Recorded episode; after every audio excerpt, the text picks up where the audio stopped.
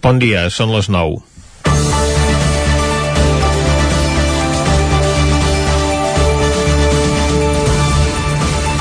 Es compleixen 3 anys de l'entrada a la presó de Jordi Cuixart i Jordi Sánchez i amb motiu d'aquest aniversari, Amnistia Internacional ha tornat a demanar l'alliberament del president d'Òmnium Cultural i de l'expresident de l'Assemblea Nacional Catalana. L'organització no governamental considera que la sentència del procés d'ara fa un any és injusta i contrària als drets humans i que els tres poders de l'Estat tenen l'oportunitat de corregir-ne els seus efectes, instant a indultar els condemnats i a reformar el delicte de sedició. Ja fa un any que Amnistia Internacional sostenia que la sentència vulnera el dret a la llibertat d'expressió i reunió pacífica en relació a la condemna a Sánchez i Cuixart i ha demanat al Poder Executiu la seva posada en llibertat tramitant el seu indult. També apressa el Tribunal Constitucional a resoldre el recurs d'empara interposats als presos polítics, demanant l'anul·lació de la condemna imposada pel Tribunal Suprem. El poder legislatiu, Amnistia Internacional li ha demanat emprendre com abans millor la reforma del delicte de sedició perquè vulnera el principi de legalitat segons un informe tècnic basat en el dret internacional.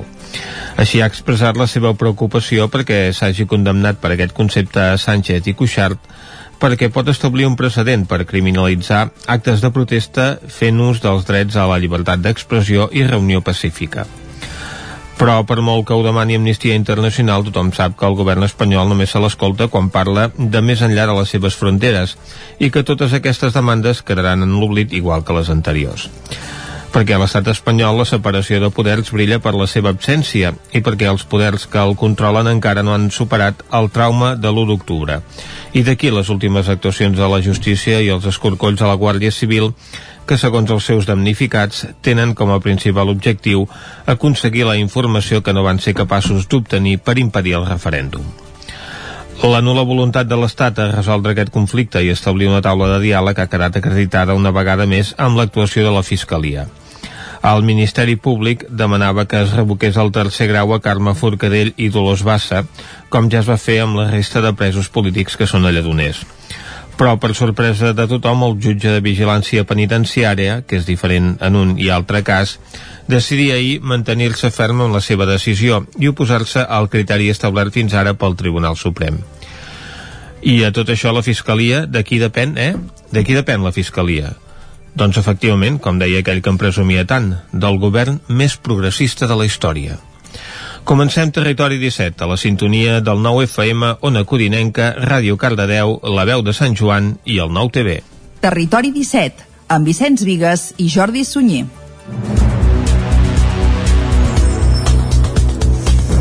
Són les 9 i 3 minuts del dimecres, dia 5 de novembre de 2020. Comença aquí un nou Territori 17 que avui, durant la primera hora, com sempre, us acostarà tota l'actualitat de les nostres comarques.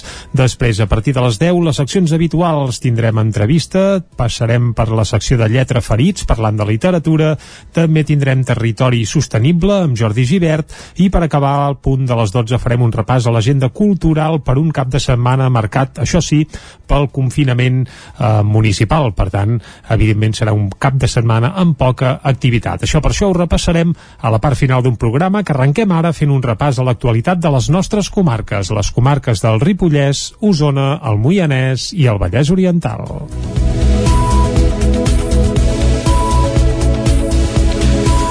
L'Hospital Universitari de Vic manté la mitjana de 12 ingressos diaris de pacients amb coronavirus. Amb els 10 llits de la unitat ocupats des de fa dies divendres, el Consorci Hospitalari de Vic va decidir obrir més llits d'UCI a l'Hospital Universitari de Vic. Segons Rosa Maria Morral, directora assistencial del Consorci, la posada en marxa d'aquesta segona unitat, on actualment hi ha 4 pacients més en estat crític, ja ha sacsejat l'activitat regular dels centres i pot comportar la reprogramació d'operacions i proves complementàries, una conseqüència de la manca de professionals als centres d'Osona, que segons Morral ja va marcar la primera onada de la pandèmia.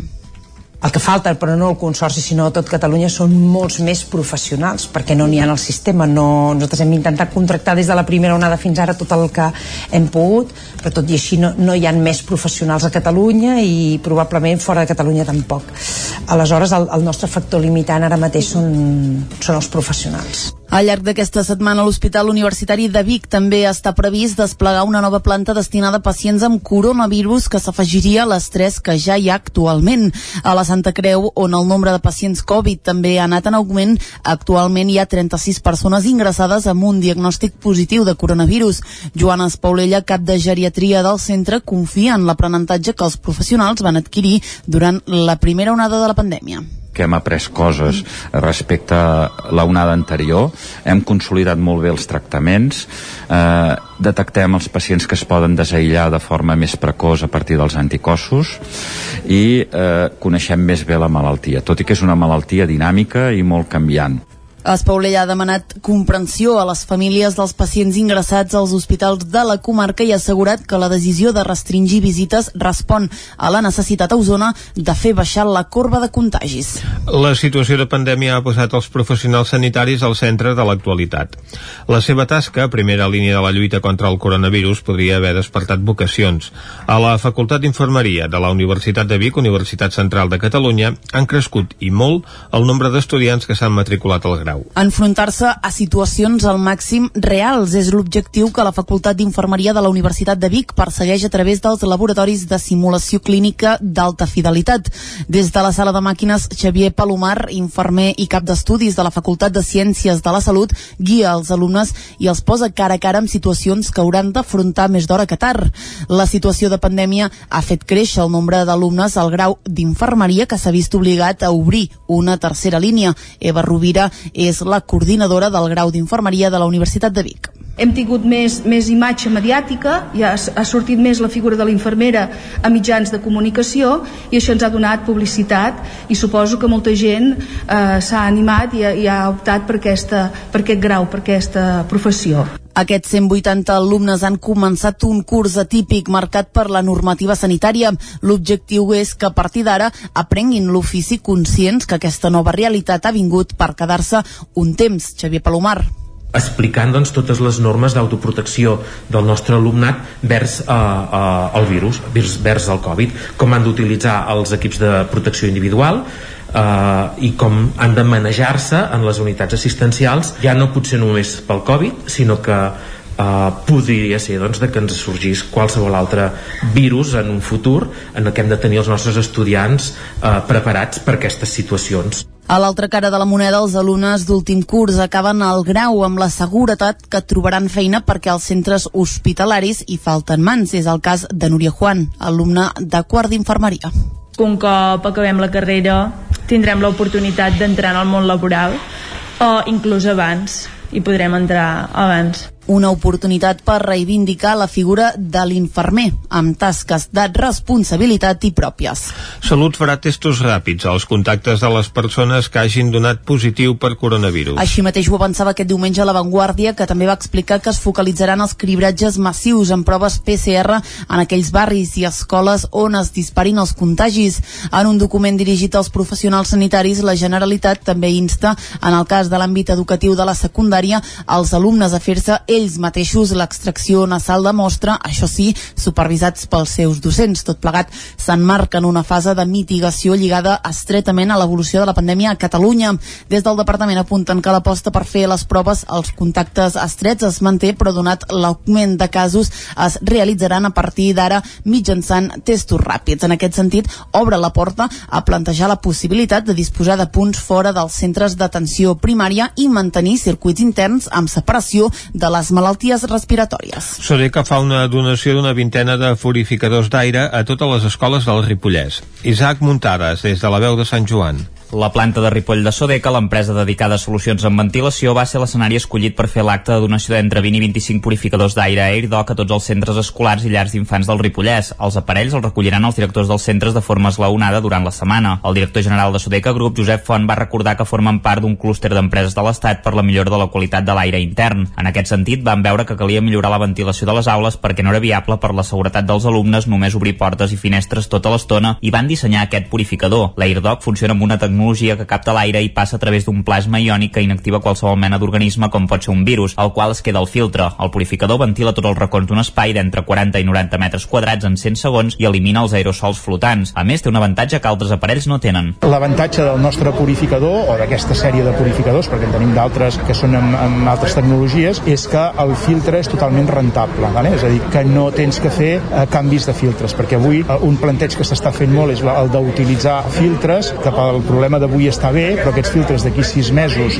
estaran totalment bruts i estaran totalment col·lapsats i potser amb fongs, amb espores, amb humitat, i que si no hi ha una neteja i un canvi i un manteniment d'aquests filtres molt ben fet, això pot ser un problema de futur, perquè podem estar passant l'aire que respirem sobre un filtre que està contaminant. Font també va recordar que hi ha estudis científics que apunten que l'aire d'espais interiors és de 5 a 10 vegades més brut que el d'espais exteriors i que al dia l'ésser humà respira de 20 a 25 quilos d'aire. La producció d'aparells d'aquest tipus s'ha incrementat molt més des del mes de març i tot i que el nivell de facturació no arribarà a ser el del 2019, Font creu que s'incrementaran força els ingressos. De fet, en els darrers 9 mesos, Sodec ha generat una cinquantena de nous llocs de treball als diferents centres de treball que té. Pel que fa als directors de les escoles, el de la Badruna de Ripoll, Àngel Maurell, va agrair la donació de Sodeca i es va queixar d'educació, mentre que Joan Maria Roig, director de l'Institut Abat Oliva, va dir que haurien de tenir prioritats aquest hivern. Malauradament, clar, per, per cobrir una escola podríem estar parlant de tenir-ne 30 o 40. I aquí és on ens falta, evidentment, l'ajut una mica del Departament d'Educació, que, bueno, doncs sembla ser que no, no està decidit o poder no té recursos suficients econòmics per poder ajudar les escoles amb una cosa que seria tan important com tenir purificadors d'aire en ple hivern en zones com d'alta muntanya, com és el Ripollès, en el qual sabem perfectament que si hem d'obrir les aules dos, tres o quatre vegades per hora, les calefaccions no donaran l'abast, no tindran temps d'escalfar. Tot i això, sí que haurem de prendre també tots consciència de que aquest any poder no serà un any en què la comoditat de les classes serà la que teníem els altres anys, que estàvem acostumats a tenir una temperatura molt agradable, per tant a l'hora de fer classe era molt agradable fer-ho, almenys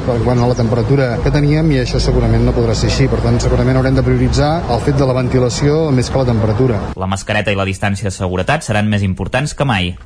La millora d'accessibilitat és el principal objectiu de la reforma de la plaça de Catalunya de Caldes. La Vila Termal destinarà gairebé un milió d'euros al que serà un dels projectes més destacats d'aquest mandat.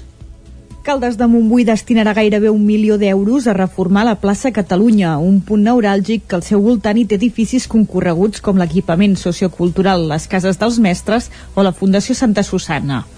L'actuació està pressupostada per 990.000 euros i afectarà també els carrers del voltant com el Rector Alemany i el Sant Pau. Jaume Mauri és el regidor de Mobilitat de Caldes.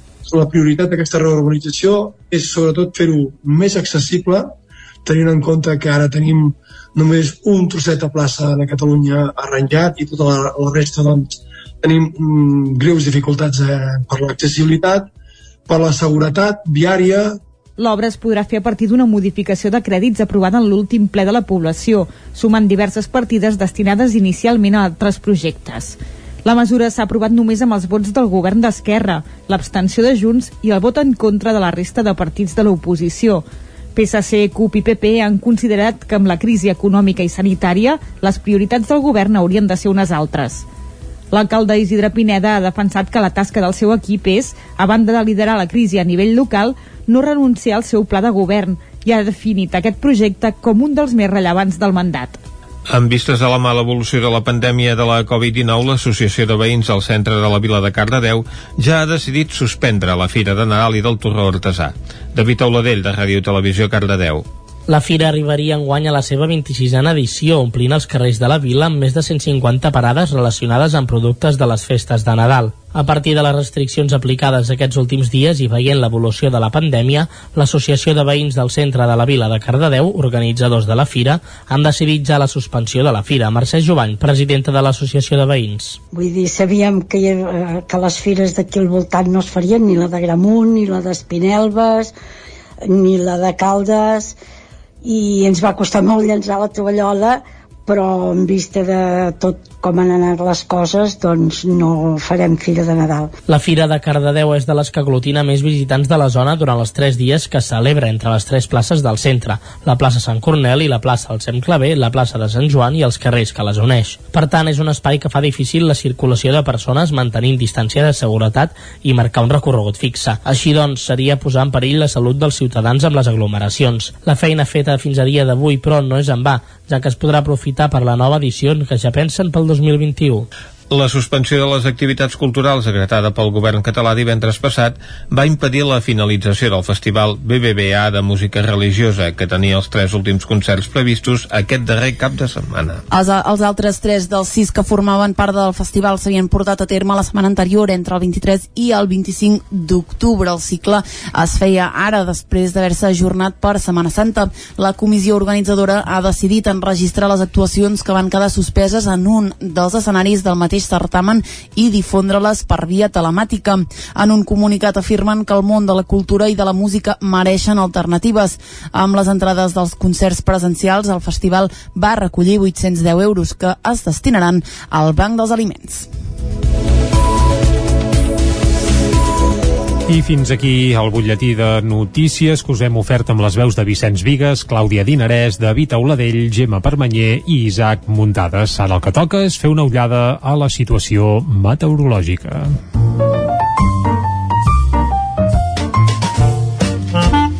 Casa Terradellos us ofereix el temps. Doncs anem cap al temps. Avui ens hem llevat amb un dia plujós, tapadot a tot el territori 17. Això sí, no hi ha grans xàfecs i no sé el temps que ens espera per a les properes hores. Pep Acosta, molt bon dia. Hola, molt bon dia. Bon dia, bon dia. Avui estic molt content. Home, ja, estic ja. molt content Quan hi ha perquè caliu... la pluja d'avui mm. eh, i d'ahir la tarda, perdó, d'aquesta nit i d'ahir la tarda ha estat magnífica, mm. ha estat una gran notícia pels animals, pels boscos, per les plantes... Els meteoròlegs. I també, òbviament, per les persones, que no són més que un element eh, més a la natura, ens pensem que som molta cosa i no som, no som gran, gran cosa, som un element més de tot aquest eh, ecosistema que és el nostre planeta, doncs avui hem d'estar molt contents perquè a les nostres comarques la pluja ha estat molt, molt beneficiosa i molt maca. Uh, a més, ha plogut, jo diria, a totes les nostres poblacions i a més ho ha fet entre els 10 i els 20 litres a la majoria de les poblacions i, i molt, molt ben caiguda eh? per tant, és que, és que ha sigut una pluja molt, molt beneficiosa on més ha plogut? cap al Pirineu em poso una petita medalla ja ho vaig dir ahir de fet l'he encertat bastant eh? estic bastant, bastant content també per això l'he encertat bastant ha plogut més de 30 litres cap al Pirineu entre 30 i 40 i la cota de neu s'ha desplomat això sí que podem pensar que baixaria tant. Ha baixat cap als 1.500-1.600 metres. La nevada a la zona de Baitera, aquelles muntanyes tan magnífiques i altes, eh, és notable, jo crec que entre 20, 15, 20, 25 centímetres als cims del Puigmal, Bastiments, déu nhi quina nevada tan important aquest començament de novembre. I les temperatures s'han desplomat, òbviament, ahir ja no, no vam superar gairebé en lloc els 20 graus, eh, vull dir, el cap de setmana venim de valors altíssims i les temperatures, òbviament, s'han desplomat. Aquesta nit, per sota els 10 graus a totes les poblacions i fred a alta muntanya. A altura de l'home, 3 graus, cap al Pirineu, mínimes entre els 3, 4, 5 sota 0. Ja veieu que ara sí, aquesta injecció d'aire fred, aquest front nota, ha obert es les nota. portes, aquest canvi de temps a, a aquestes diferents peces meteorològiques.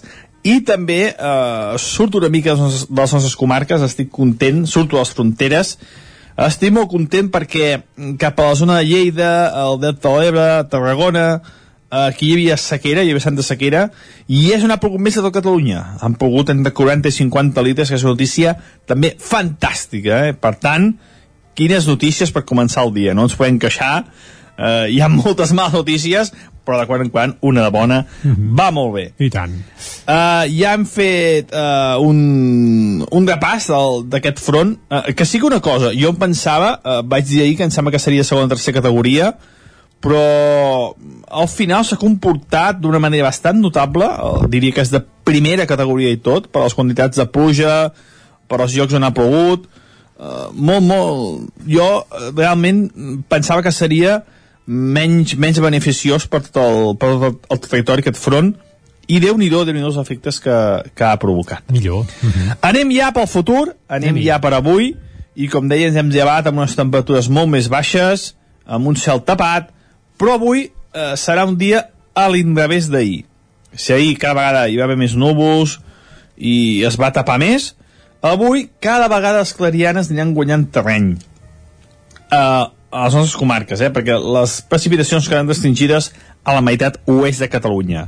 A nosaltres, cada vegada més clarianes, no farà un sol allò impressionant durant el dia, ni molt menys, tindrem molts núvols, però les precipitacions aniran desapareixent. Moltes gràcies i de moment, bon dimecres. Vinga, Adeu. igualment, molt bon dimecres, Pep, i nosaltres ara el que farem és anar cap al quiosc, un quiosc que intuïm que deu anar tenyit uh, d'eleccions nord-americanes. Ho descobrirem de seguida. Anem-hi. Casa Tarradellas us ha ofert aquest espai. Territori 17. Envia'ns les teves notes de veu per WhatsApp al 646 079 023. 646 079 023. WhatsApp Territori 17.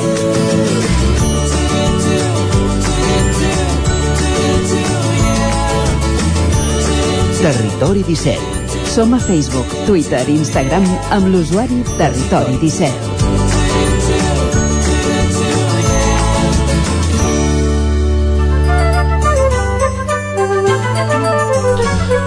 Avui si anem al quiosc a veure què treuen en portada als diaris arribarem fins als Estats Units, Clàudia. Seguríssim, eh? Uh, de ben segur, comencem com sempre amb el punt avui que parla de mesures pal·liatives. Diu el govern aprova un paquet d'ajudes per pal·liar els efectes de la Covid-19. Decret per aturar desnonaments de col·lectius vulnerables durant l'estat d'alarma reducció també de l'IRPF pels ciutadans amb rendes baixes en situació d'ERTO o atur i destinació de 20 milions d'ajuts directes al col·lectiu dels autònoms. A la imatge diu l'hora de la veritat, alta participació per jutjar a les urnes el populisme de Trump. Avui entrevisten a Miquel Iceta, candidat a la presidència de la Generalitat. Diu, si Junts i Esquerra tornen a sumar, tornaran a governar plegats.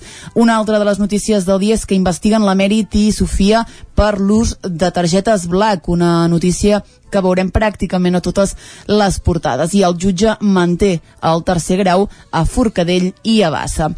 Anem al diari Ara, que parla de les eleccions als Estats Units, parla d'una mobilització històrica, diu participació rècord amb 100 milions de vots anticipats i llargues cues. Aquí tornem a veure l'emèrit, investigat també per les targetes opaques. Els moviments de diners són posteriors a l'abdicació i, per tant, se'l podria jutjar. També parla del nou decret per intentar frenar els desnonaments i el que fan a l'ara és donar una guia dels ajuts per la segona onada del Covid-19.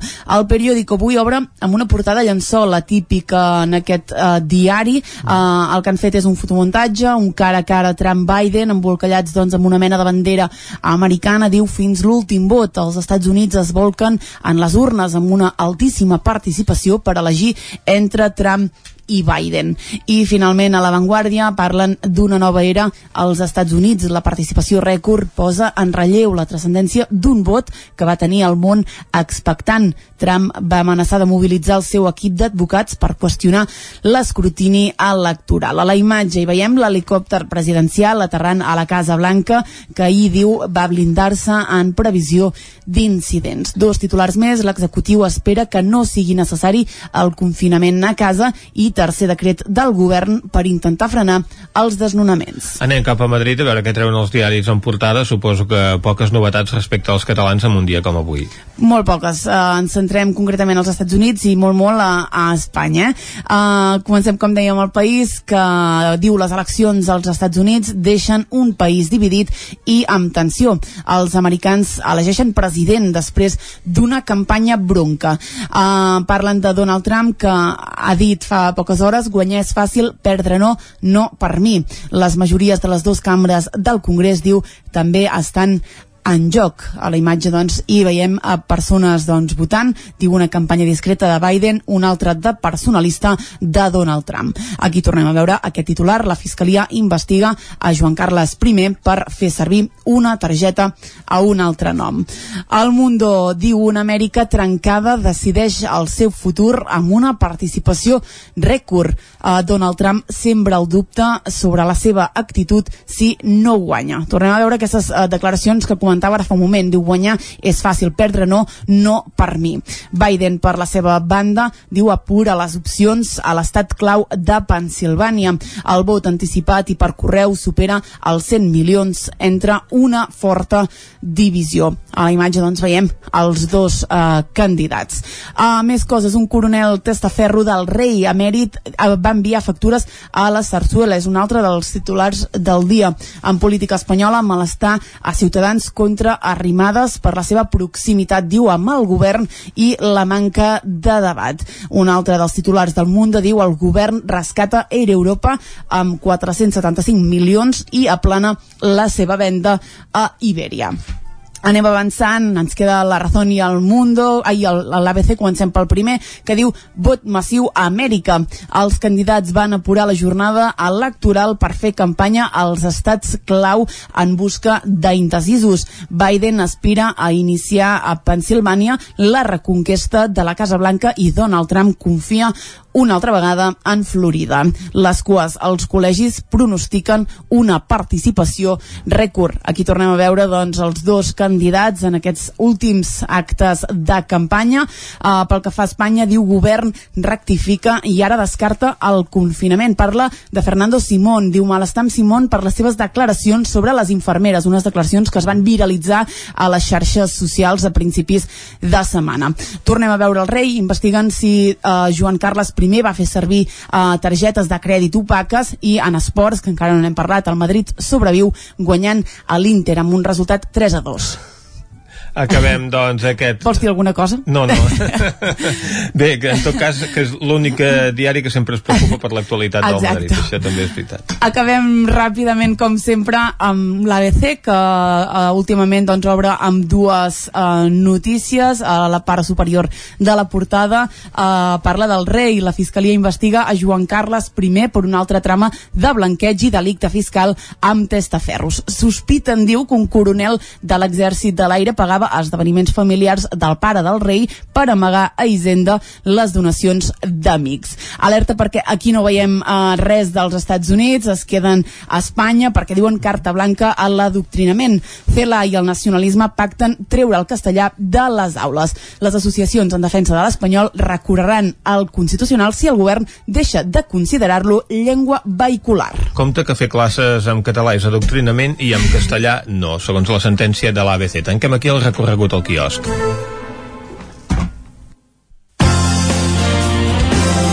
El nou FM, la ràdio de casa, al 92.8.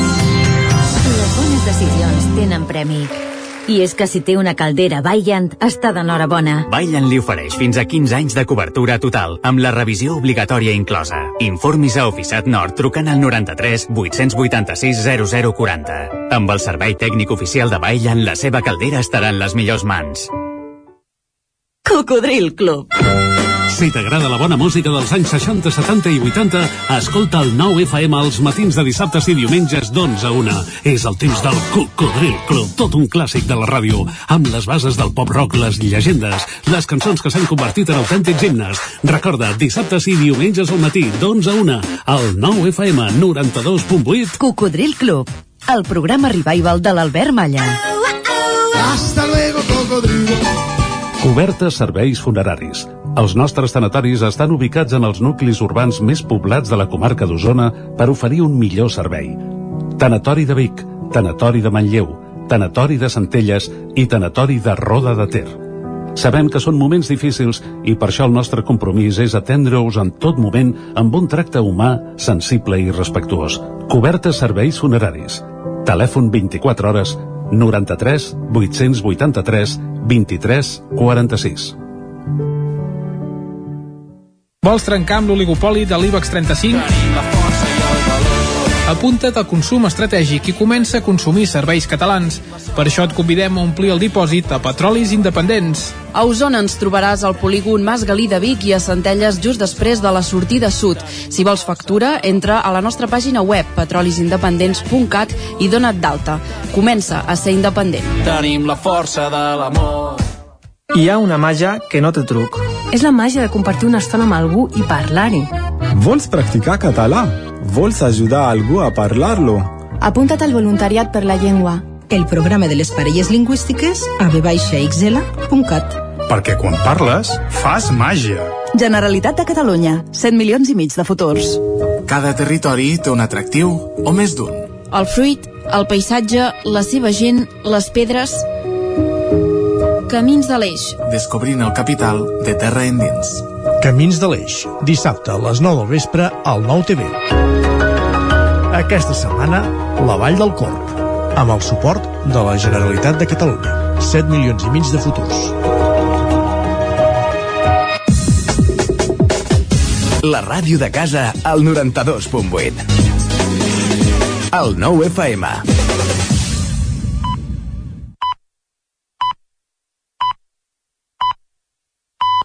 Territori 17, amb Vicenç Vigues i Jordi Sunyer.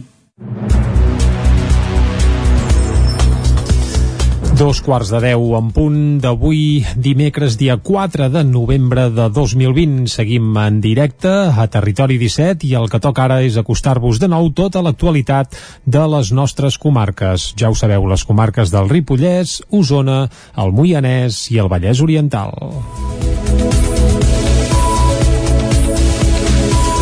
L'Hospital Universitari de Vic manté la mitjana de 12 ingressos diaris de pacients amb coronavirus. Amb els 10 llits de la unitat ocupats des de fa dies divendres, el Consorci Hospitalari de Vic va decidir obrir més llits d'UCI a l'Hospital Universitari de Vic. Segons Rosa Maria Morral, directora assistencial del Consorci, la posada en marxa d'aquesta segona unitat, on actualment hi ha quatre pacients més en estat crític, ja s'ha sacsejat l'activitat regular dels centres i pot comportar la reprogramació d'operacions i proves complementàries, una conseqüència de la manca de professionals als centres d'Osona que, segons Morral, ja va marcar la primera onada de la pandèmia el que falta, però no el Consorci, sinó tot Catalunya, són molts més professionals, perquè no n'hi ha el sistema. No, nosaltres hem intentat contractar des de la primera onada fins ara tot el que hem pogut, però tot i així no, no hi ha més professionals a Catalunya i probablement fora de Catalunya tampoc.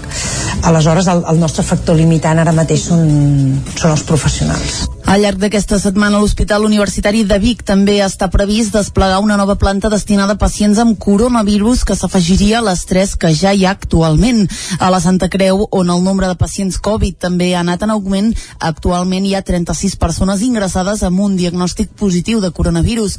Joana Espaulella, cap de geriatria del centre, confia en l'aprenentatge que els professionals van adquirir durant la primera onada de la pandèmia que hem après coses respecte a la onada anterior, hem consolidat molt bé els tractaments, eh, detectem els pacients que es poden desaïllar de forma més precoç a partir dels anticossos i eh, coneixem més bé la malaltia, tot i que és una malaltia dinàmica i molt canviant. Espaulella ha demanat comprensió a les famílies dels pacients ingressats als hospitals de la comarca i ha assegurat que la decisió de restringir visites respon a la necessitat a Osona de fer baixar la corba de contagis. La situació de pandèmia ha posat els professionals sanitaris al centre de l'actualitat. La seva tasca, primera línia de la lluita contra el coronavirus, podria haver despertat vocacions. A la Facultat d'Infermeria de la Universitat de Vic, Universitat Central de Catalunya, han crescut i molt el nombre d'estudiants que s'han matriculat al grau grau. Enfrontar-se a situacions al màxim reals és l'objectiu que la Facultat d'Infermeria de la Universitat de Vic persegueix a través dels laboratoris de simulació clínica d'alta fidelitat. Des de la sala de màquines, Xavier Palomar, infermer i cap d'estudis de la Facultat de Ciències de la Salut, guia els alumnes i els posa cara a cara amb situacions que hauran d'afrontar més d'hora que tard. La situació de pandèmia ha fet créixer el nombre d'alumnes al grau d'infermeria que s'ha vist obligat a obrir una tercera línia. Eva Rovira és la coordinadora del grau d'infermeria de la Universitat de Vic. Hem tingut més, més imatge mediàtica, ja ha, sortit més la figura de la infermera a mitjans de comunicació i això ens ha donat publicitat i suposo que molta gent eh, s'ha animat i, i ha optat per, aquesta, per aquest grau, per aquesta professió. Aquests 180 alumnes han començat un curs atípic marcat per la normativa sanitària. L'objectiu és que a partir d'ara aprenguin l'ofici conscients que aquesta nova realitat ha vingut per quedar-se un temps. Xavier Palomar explicant doncs, totes les normes d'autoprotecció del nostre alumnat vers uh, uh, el virus, vers, vers el Covid, com han d'utilitzar els equips de protecció individual uh, i com han de manejar-se en les unitats assistencials, ja no potser només pel Covid, sinó que Uh, podria ser doncs, de que ens sorgís qualsevol altre virus en un futur en què hem de tenir els nostres estudiants uh, preparats per aquestes situacions. A l'altra cara de la moneda, els alumnes d'últim curs acaben el grau amb la seguretat que trobaran feina perquè als centres hospitalaris hi falten mans. És el cas de Núria Juan, alumne de quart d'infermeria. Un cop acabem la carrera tindrem l'oportunitat d'entrar en el món laboral o inclús abans i podrem entrar abans una oportunitat per reivindicar la figura de l'infermer amb tasques de responsabilitat i pròpies. Salut farà testos ràpids als contactes de les persones que hagin donat positiu per coronavirus. Així mateix ho avançava aquest diumenge a La Vanguardia, que també va explicar que es focalitzaran els cribratges massius en proves PCR en aquells barris i escoles on es disparin els contagis. En un document dirigit als professionals sanitaris, la Generalitat també insta, en el cas de l'àmbit educatiu de la secundària, als alumnes a fer-se ells mateixos l'extracció nasal de mostra, això sí, supervisats pels seus docents. Tot plegat s'enmarca en una fase de mitigació lligada estretament a l'evolució de la pandèmia a Catalunya. Des del departament apunten que l'aposta per fer les proves als contactes estrets es manté, però donat l'augment de casos es realitzaran a partir d'ara mitjançant testos ràpids. En aquest sentit, obre la porta a plantejar la possibilitat de disposar de punts fora dels centres d'atenció primària i mantenir circuits interns amb separació de les malalties respiratòries. Sodeca fa una donació d'una vintena de purificadors d'aire a totes les escoles del Ripollès. Isaac Muntades, des de la veu de Sant Joan. La planta de Ripoll de Sodeca, l'empresa dedicada a solucions en ventilació, va ser l'escenari escollit per fer l'acte de donació d'entre 20 i 25 purificadors d'aire AirDoc a tots els centres escolars i llars d'infants del Ripollès. Els aparells els recolliran els directors dels centres de forma eslaonada durant la setmana. El director general de Sodeca Group, Josep Font, va recordar que formen part d'un clúster d'empreses de l'Estat per la millora de la qualitat de l'aire intern. En aquest sentit, van veure que calia millorar la ventilació de les aules perquè no era viable per la seguretat dels alumnes només obrir portes i finestres tota l'estona i van dissenyar aquest purificador. L'AirDoc funciona amb una tecnologia tecnologia que capta l'aire i passa a través d'un plasma iònic que inactiva qualsevol mena d'organisme com pot ser un virus, al qual es queda el filtre. El purificador ventila tots els racons d'un espai d'entre 40 i 90 metres quadrats en 100 segons i elimina els aerosols flotants. A més, té un avantatge que altres aparells no tenen. L'avantatge del nostre purificador o d'aquesta sèrie de purificadors, perquè en tenim d'altres que són amb, amb altres tecnologies, és que el filtre és totalment rentable, vale? és a dir, que no tens que fer eh, canvis de filtres, perquè avui eh, un planteig que s'està fent molt és el d'utilitzar filtres que pel problema problema d'avui està bé, però aquests filtres d'aquí sis mesos estaran totalment bruts i estaran totalment col·lapsats i potser amb fongs, amb espores, amb humitat i que si no hi ha una neteja i un canvi i un manteniment d'aquests filtres molt ben fet, això pot ser un problema de futur perquè podem estar passant l'aire que respirem sobre un filtre que està contaminat. Font també va recordar que hi ha estudis científics que apunten que l'aire d'espais interiors és de 5 a 10 vegades més brut que el d'espais exteriors i que al dia l'ésser humà respira de 20 a 25 quilos d'aire. La producció d'aparells d'aquest tipus s'ha incrementat molt més des del mes de març i tot i que el nivell de facturació no arribarà a ser el del 2019, Font creu que s'incrementaran força els ingressos. De fet, en els darrers 9 mesos, Sodeca ha generat una cinquantena de nous llocs de treball als diferents centres de treball que té. Pel que fa als directors de les escoles, el de la Badruna de Ripoll, Àngel Maurell, va agrair la donació de Sodeca i es va queixar d'educació, mentre que Joan Maria Roig, director de l'Institut Abat Oliva, va dir que haurien de tenir prioritats aquest hivern. Malauradament, clar, per, per cobrir una escola podríem estar parlant de tenir una 30 o 40 i aquí és on ens falta evidentment l'ajut una mica del Departament d'Educació que bueno, doncs sembla ser que no, no està decidit o poder no té recursos suficients econòmics per poder ajudar les escoles amb una cosa que seria tan important com tenir purificadors d'aire en ple hivern en zones com d'alta muntanya com és el Ripollès en el qual sabem perfectament que si hem d'obrir les aules dos, tres o quatre vegades per hora les calefaccions no donaran l'abast no tindran temps d'escalfar. Tot i això sí que haurem de prendre també tots consciència de que aquest any poder no serà un any en què la comoditat de les classes serà la que teníem els altres anys que estàvem acostumats a tenir una temperatura molt agradable per tant a l'hora de fer classe era molt agradable fer-ho almenys quan a la temperatura que teníem i això segurament no podrà ser així. Per tant, segurament haurem de prioritzar el fet de la ventilació més que la temperatura. La mascareta i la distància de seguretat seran més importants que mai. La millora d'accessibilitat és el principal objectiu de la reforma de la plaça de Catalunya de Caldes. La Vila Termal destinarà gairebé un milió d'euros al que serà un dels projectes més destacats d'aquest mandat. Caldes de Montbui destinarà gairebé un milió d'euros a reformar la plaça Catalunya, un punt neuràlgic que al seu voltant hi té edificis concorreguts com l'equipament sociocultural, les cases dels mestres o la Fundació Santa Susana. L'actuació està pressupostada per 990.000 euros i afectarà també els carrers del voltant com el Rector Alemany i el Sant Pau. Jaume Mauri és el regidor de Mobilitat de Caldes. La prioritat d'aquesta reurbanització és sobretot fer-ho més accessible, tenint en compte que ara tenim només un trosset de plaça de Catalunya arranjat i tota la, la resta doncs, tenim mm, greus dificultats eh, per l'accessibilitat per la seguretat viària, L'obra es podrà fer a partir d'una modificació de crèdits aprovada en l'últim ple de la població, sumant diverses partides destinades inicialment a altres projectes. La mesura s'ha aprovat només amb els vots del govern d'Esquerra, l'abstenció de Junts i el vot en contra de la resta de partits de l'oposició.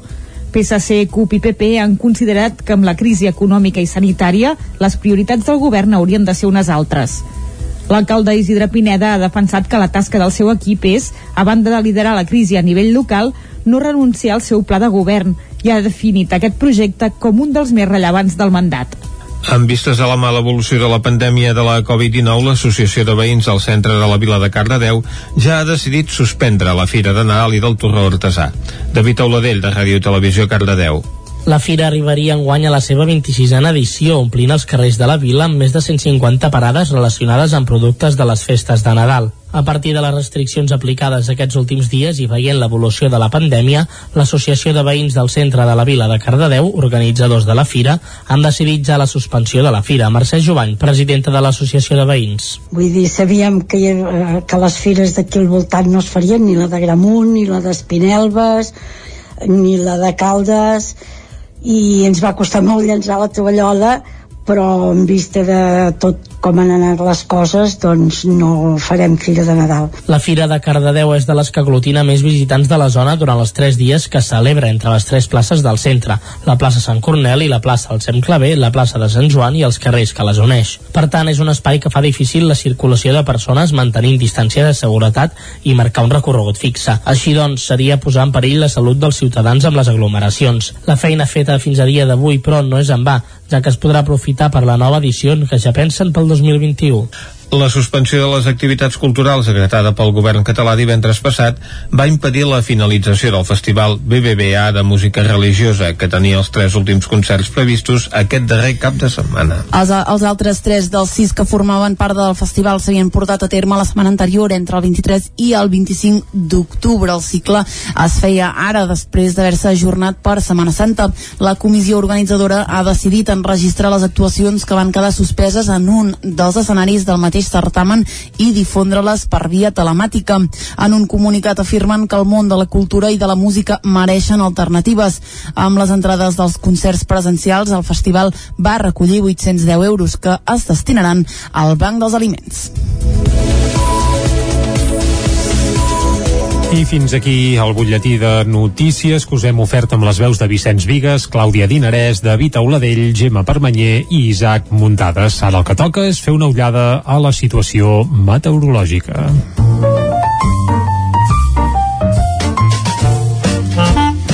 Casa Terradellos us ofereix el temps. Doncs anem cap al temps. Avui ens hem llevat amb un dia plujós, tapadot a tot el territori 17. Això sí, no hi ha grans xàfecs i no sé el temps que ens espera per a les properes hores. Pep Acosta, molt bon dia. Hola, molt bon dia. Bon dia, bon dia. Avui estic molt content. Home, ja, estic ja. molt content Quan hi ha perquè caliu... la pluja d'avui mm. eh, i d'ahir la tarda, perdó, d'aquesta nit i d'ahir la tarda ha estat magnífica, mm. ha estat una gran notícia pels animals, pels boscos, per les plantes... Els meteoròlegs. I també, òbviament, per les persones, que no són més que un element eh, més a la natura, ens pensem que som molta cosa i no som, no som gran, gran cosa, som un element més de tot aquest eh, ecosistema que és el nostre planeta, doncs avui hem d'estar molt contents perquè a les nostres comarques la pluja ha estat molt, molt beneficiosa i molt maca.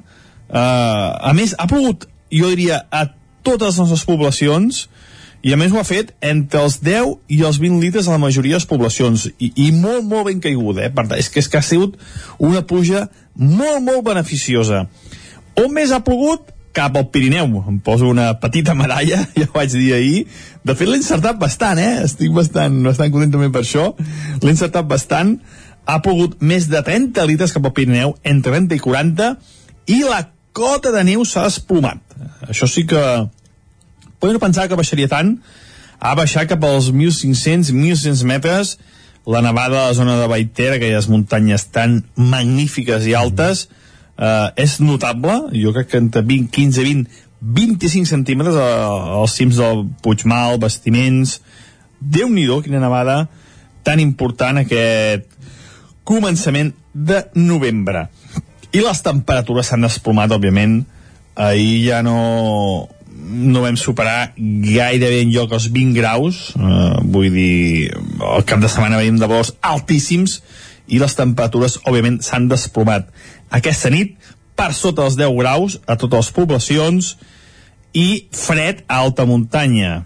A l'altura de l'home, 3 graus, cap al Pirineu, mínimes entre els 3, 4, 5 sota 0. Ja veieu que ara sí, aquesta injecció d'aire fred, aquest front nota, ha obert les portes, aquest canvi de temps a, a aquestes diferents peces meteorològiques.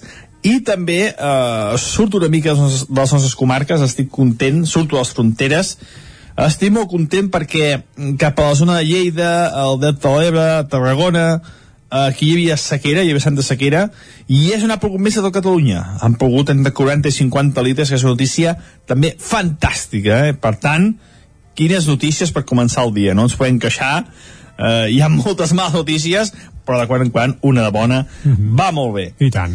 Uh, ja hem fet uh, un, un repàs d'aquest front, uh, que sigui una cosa, jo em pensava, uh, vaig dir ahir que em sembla que seria segona o tercera categoria, però al final s'ha comportat d'una manera bastant notable, uh, diria que és de primera categoria i tot, per les quantitats de pluja, per els llocs on ha plogut, uh, molt, molt... Jo uh, realment pensava que seria menys, menys beneficiós per tot el, per tot el, territori, aquest front, i Déu-n'hi-do, déu nhi déu els efectes que, que ha provocat. Millor. Uh -huh. Anem ja pel futur, anem Anem-hi. ja per avui, i com deia, ens hem llevat amb unes temperatures molt més baixes, amb un cel tapat, però avui eh, serà un dia a l'inrevés d'ahir. Si ahir cada vegada hi va haver més núvols i es va tapar més, avui cada vegada les clarianes aniran guanyant terreny. Uh, a les nostres comarques, eh? perquè les precipitacions quedaran restringides a la meitat oest de Catalunya. A nosaltres, cada vegada més clarianes, no farà un sol allò impressionant durant el dia, ni molt menys, tindrem molts núvols, però les precipitacions aniran desapareixent. Moltes gràcies i de moment, bon dimecres. Vinga, Adeu. igualment, molt bon dimecres, Pep, i nosaltres ara el que farem és anar cap al quiosc, un quiosc que intuïm que deu anar tenyit uh, d'eleccions nord-americanes. Ho descobrirem de seguida. Anem-hi. Casa Tarradellas us ha ofert aquest espai. Territori 17. Envia'ns les teves notes de veu per WhatsApp al 646 079 023. 646 079 023. WhatsApp Territori 17.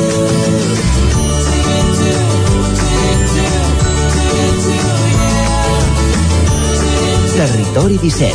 Som a Facebook, Twitter i Instagram amb l'usuari Territori 17.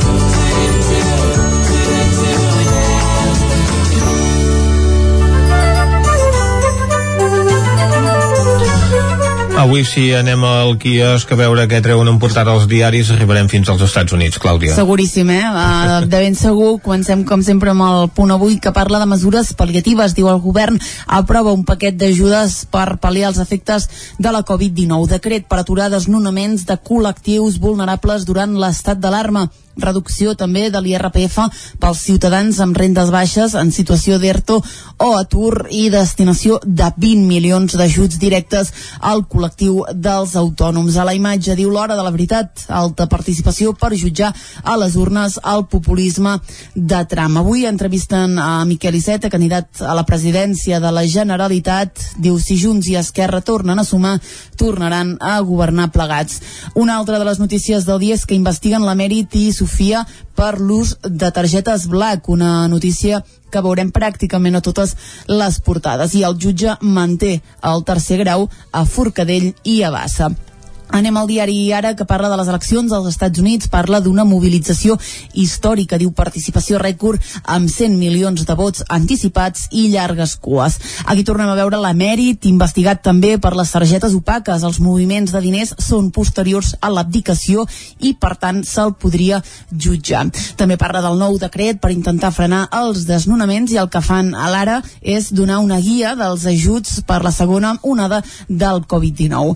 El periòdic avui obre amb una portada llençol, la típica en aquest uh, diari. Uh, el que han fet és un fotomuntatge, un cara a cara Trump-Biden, embolcallats doncs, amb una mena de bandera americana, diu fins l'últim vot. Els Estats Units es volquen en les urnes amb una altíssima participació per elegir entre Trump i Biden. I finalment a l'avantguàrdia parlen d'una nova era als Estats Units. La participació rècord posa en relleu la transcendència d'un vot que va tenir el món expectant. Trump va amenaçar de mobilitzar el seu equip d'advocats per qüestionar l'escrutini electoral. A la imatge hi veiem l'helicòpter presidencial aterrant a la Casa Blanca que ahir diu va blindar-se en previsió d'incidents. Dos titulars més, l'executiu espera que no sigui necessari el confinament a casa i tercer decret del govern per intentar frenar els desnonaments. Anem cap a Madrid a veure què treuen els diaris en portada. Suposo que poques novetats respecte als catalans en un dia com avui. Molt poques. Uh, ens centrem concretament als Estats Units i molt molt a, a Espanya.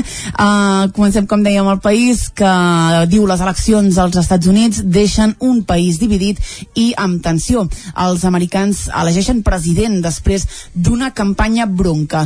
Uh, parlen de Donald Trump que ha dit fa poques hores guanyar és fàcil, perdre no, no per mi. Les majories de les dues cambres del Congrés, diu, també estan en joc. A la imatge, doncs, hi veiem a persones, doncs, votant, diu una campanya discreta de Biden, una altra de personalista de Donald Trump. Aquí tornem a veure aquest titular. La Fiscalia investiga a Joan Carles I per fer servir una targeta a un altre nom. El Mundo diu una Amèrica trencada decideix el seu futur amb una participació rècord. Uh, Donald Trump sembra el dubte sobre la seva actitud si no guanya. Tornem a veure aquestes uh, declaracions que comentava ara fa un moment, diu guanyar és fàcil, perdre no, no per mi. Biden, per la seva banda, diu apura les opcions a l'estat clau de Pensilvània. El vot anticipat i per correu supera els 100 milions entre una forta divisió. A la imatge, doncs, veiem els dos eh, candidats. Uh, més coses, un coronel testaferro del rei emèrit uh, va enviar factures a la Sarsuela, és un altre dels titulars del dia. En política espanyola, malestar a ciutadans contra Arrimadas per la seva proximitat, diu, amb el govern i la manca de debat.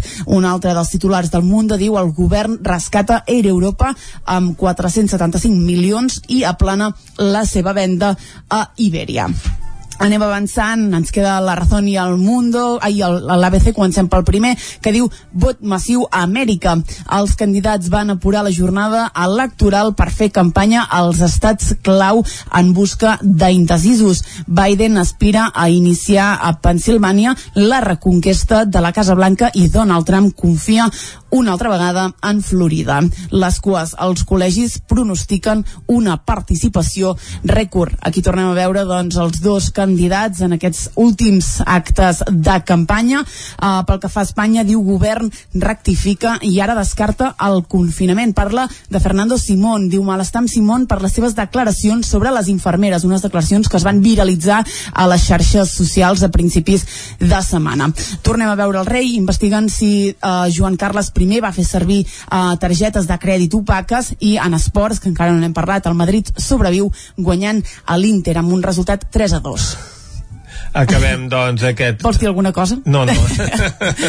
Bé, que en tot cas, que és l'únic eh, diari que sempre es preocupa per l'actualitat del Madrid. Això també és veritat. Acabem ràpidament, com sempre, amb l'ABC, que uh, últimament doncs, obre amb dues uh, notícies. A la part superior de la portada uh, parla del rei. La Fiscalia investiga a Joan Carles I per una altra trama de blanqueig i delicte fiscal amb testaferros. Sospiten, diu, que un coronel de l'exèrcit de l'aire pagava a esdeveniments familiars del pare del rei per amagar a Hisenda les donacions d'amics. Alerta perquè aquí no veiem uh, res dels Estats Units, es queden a Espanya perquè diuen carta blanca a l'adoctrinament. CELA i el nacionalisme pacten treure el castellà de les aules. Les associacions en defensa de l'espanyol recorreran al Constitucional si el govern deixa de considerar-lo llengua vehicular. Compte que fer classes en català és adoctrinament i en castellà no, segons la sentència de l'ABC. Tanquem aquí el recorregut al quiosc. Això és, és un clàssic, eh? Uh, bé. Perquè, és clar, tot el món, uh, la llengua vehicular a l'ensenyament deu ser una llengua o altra, i això no implica que s'adoctrini, no? Mm, Bé, aquí el problema aquí, aquí el problema és sempre el concepte de Adoctrinament. Uh, sí, més que adoctrinament, és a dir, bé, és que seria un debat molt llarg, eh? Uh, si tens un estat al darrere, això en teoria ja no passa. Ah. Per tant, qui s'hi hagi de posar, que s'hi posi, va. Però el tema és rellevant fins al punt que l'ABC avui no dedica la seva portada a les eleccions dels Estats Units. Correcte, suposo que devia tenir poques els hi, vaja, que els hi caduqués perquè bé, ara mateix eh, ho anem seguint també i bé, ahir ningú donava un duro per Trump i ara mateix doncs la veritat és que tot plegat eh, vaja, no sé com ho veus tu eh, però Home, si vols... és evident que Biden ha escombrat pel que fa número de vots, això ja ens sona a vegades, eh? un guanya amb vots, però l'altre acaba guanyant, eh, entre cometes, amb escons, allà n'hi diuen vots electorals, però ara mateix com ho tenim, Vicenç? Doncs ara mateix tindria 220 delegats Joe Biden, 213 Donald Trump, Biden està guanyant per un milió i mig de vots, ara bé, en els estats on encara queda per fer l'escrutini, Trump està guanyant en aquells que tenen més delegats, de manera que acabaria guanyant les eleccions. Per tant, o acabaria sent escollit president, perquè pot passar com fa 4 anys que la Correcte. candidata demòcrata va guanyar per 3 milions de vots, però en canvi Donald Trump va ser elegit president dels Estats Units. Doncs bé, ho seguirem, encara que ens quedi una mica lluny, en el fons també ens toca força de prop, a vegades és més important saber qui hi ha de president als Estats Units que no pas a altres països que tenim més propers, per tant, evidentment ho, ho seguirem també. De tota manera, Vicenç, no volia parlar d'Estats Units, sinó que volia recuperar uh, una cosa del qual vam parlar ahir, és del Premi Terra i Cultura 2020, del tercer, no del tercer, sinó del 13è Premi Miquel Martí Pol, és aquell premi que otorga cada any eh, el celler Batllac, i ho fa a la millor eh, cançó en català, això sí, d'un poema. Per tant, eh, diguem que es parteix d'aquí, eh? Hi pot participar tothom qui vol, fins i tot el que no s'hi apunta també hi participa. Tot el Ah. que s'ha dit, eh, sí, això és, és una mica curiós, Sí, eh? no? Però no cal ni apuntar-s'hi. Tu edites o penges una cançó musicada d'un poema, tant sigui d'un autor viu com mort, i automàticament ja passes a formar part de, En Lluís Llach de en la compte. nòmina. En Lluís Llach, exacte, és, és un tro. I ahir eh, suposo que recordes que vam escoltar un parell de cançons, Sí. d'aquestes que han resultat finalistes eh, en, aquesta, en aquest certamen, de les cinc finalistes. Eh? Avui n'escoltarem un parell més, bé, potser només tindrem temps d'escoltar-ne una, de moment. De moment escoltarem una, doncs va. I és una de molt curiosa, perquè és un senyor que es diu Juan Valderrama, Uh, No Juanito. no, Juan, Juan Valderrama té un aire flamenc, uh, però bé, el que ha fet és també musicar un poema en català. Mm. És un poema que es diu Podries, de la Joana Raspall, un clàssic, potser algú li sona i tot, i ell n'ha fet una versió doncs, que, bé, que li ha valgut ser finalista d'aquest premi, i si et sembla l'escoltem ara fins a arribar al punt de les 10. Oh, sí? tant. Doncs el Juan Valderrama, en Podries, de la Joana Raspall. El poema musicat per ell mateix, i així sona aquesta espectacular versió del Podries. Podria ser negre un altre país fora casa teva i diria sí en una altra llengua.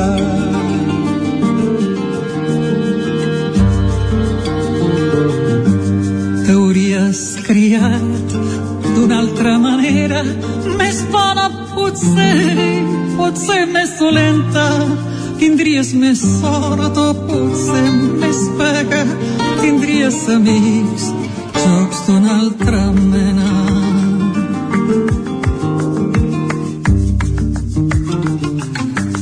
Duries vestir de saco de seda, sabates de pelo, tosca espardenya, o aniries nu, perdut per la selva, podries llegir contes i poemes. podries llegir contes i poemes. Podries, podries, per tot això pensar. Podries, podries, per tot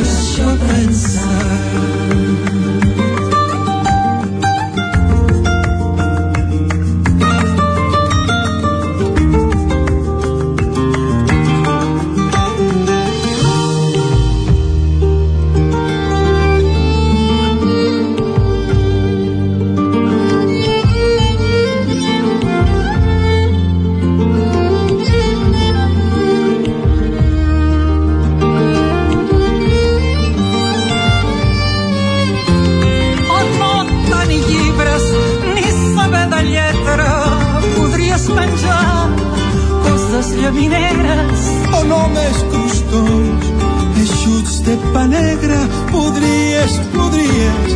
Per tot això pensa podries, podries. Per tot això pensa. Què importa tenir les mans ben obertes i ajudar qui ven fugint de la guerra fugint del dolor i de la pobresa? Si tu fossis nat a la seva terra la tristesa de podria ser teva. Podries, podries.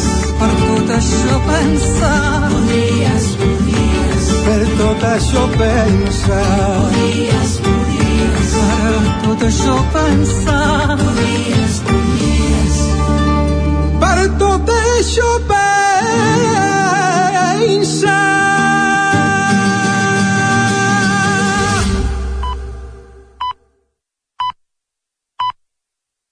torna la informació de les nostres comarques, les comarques del Ripollès, Osona, el Moianès i el Vallès Oriental.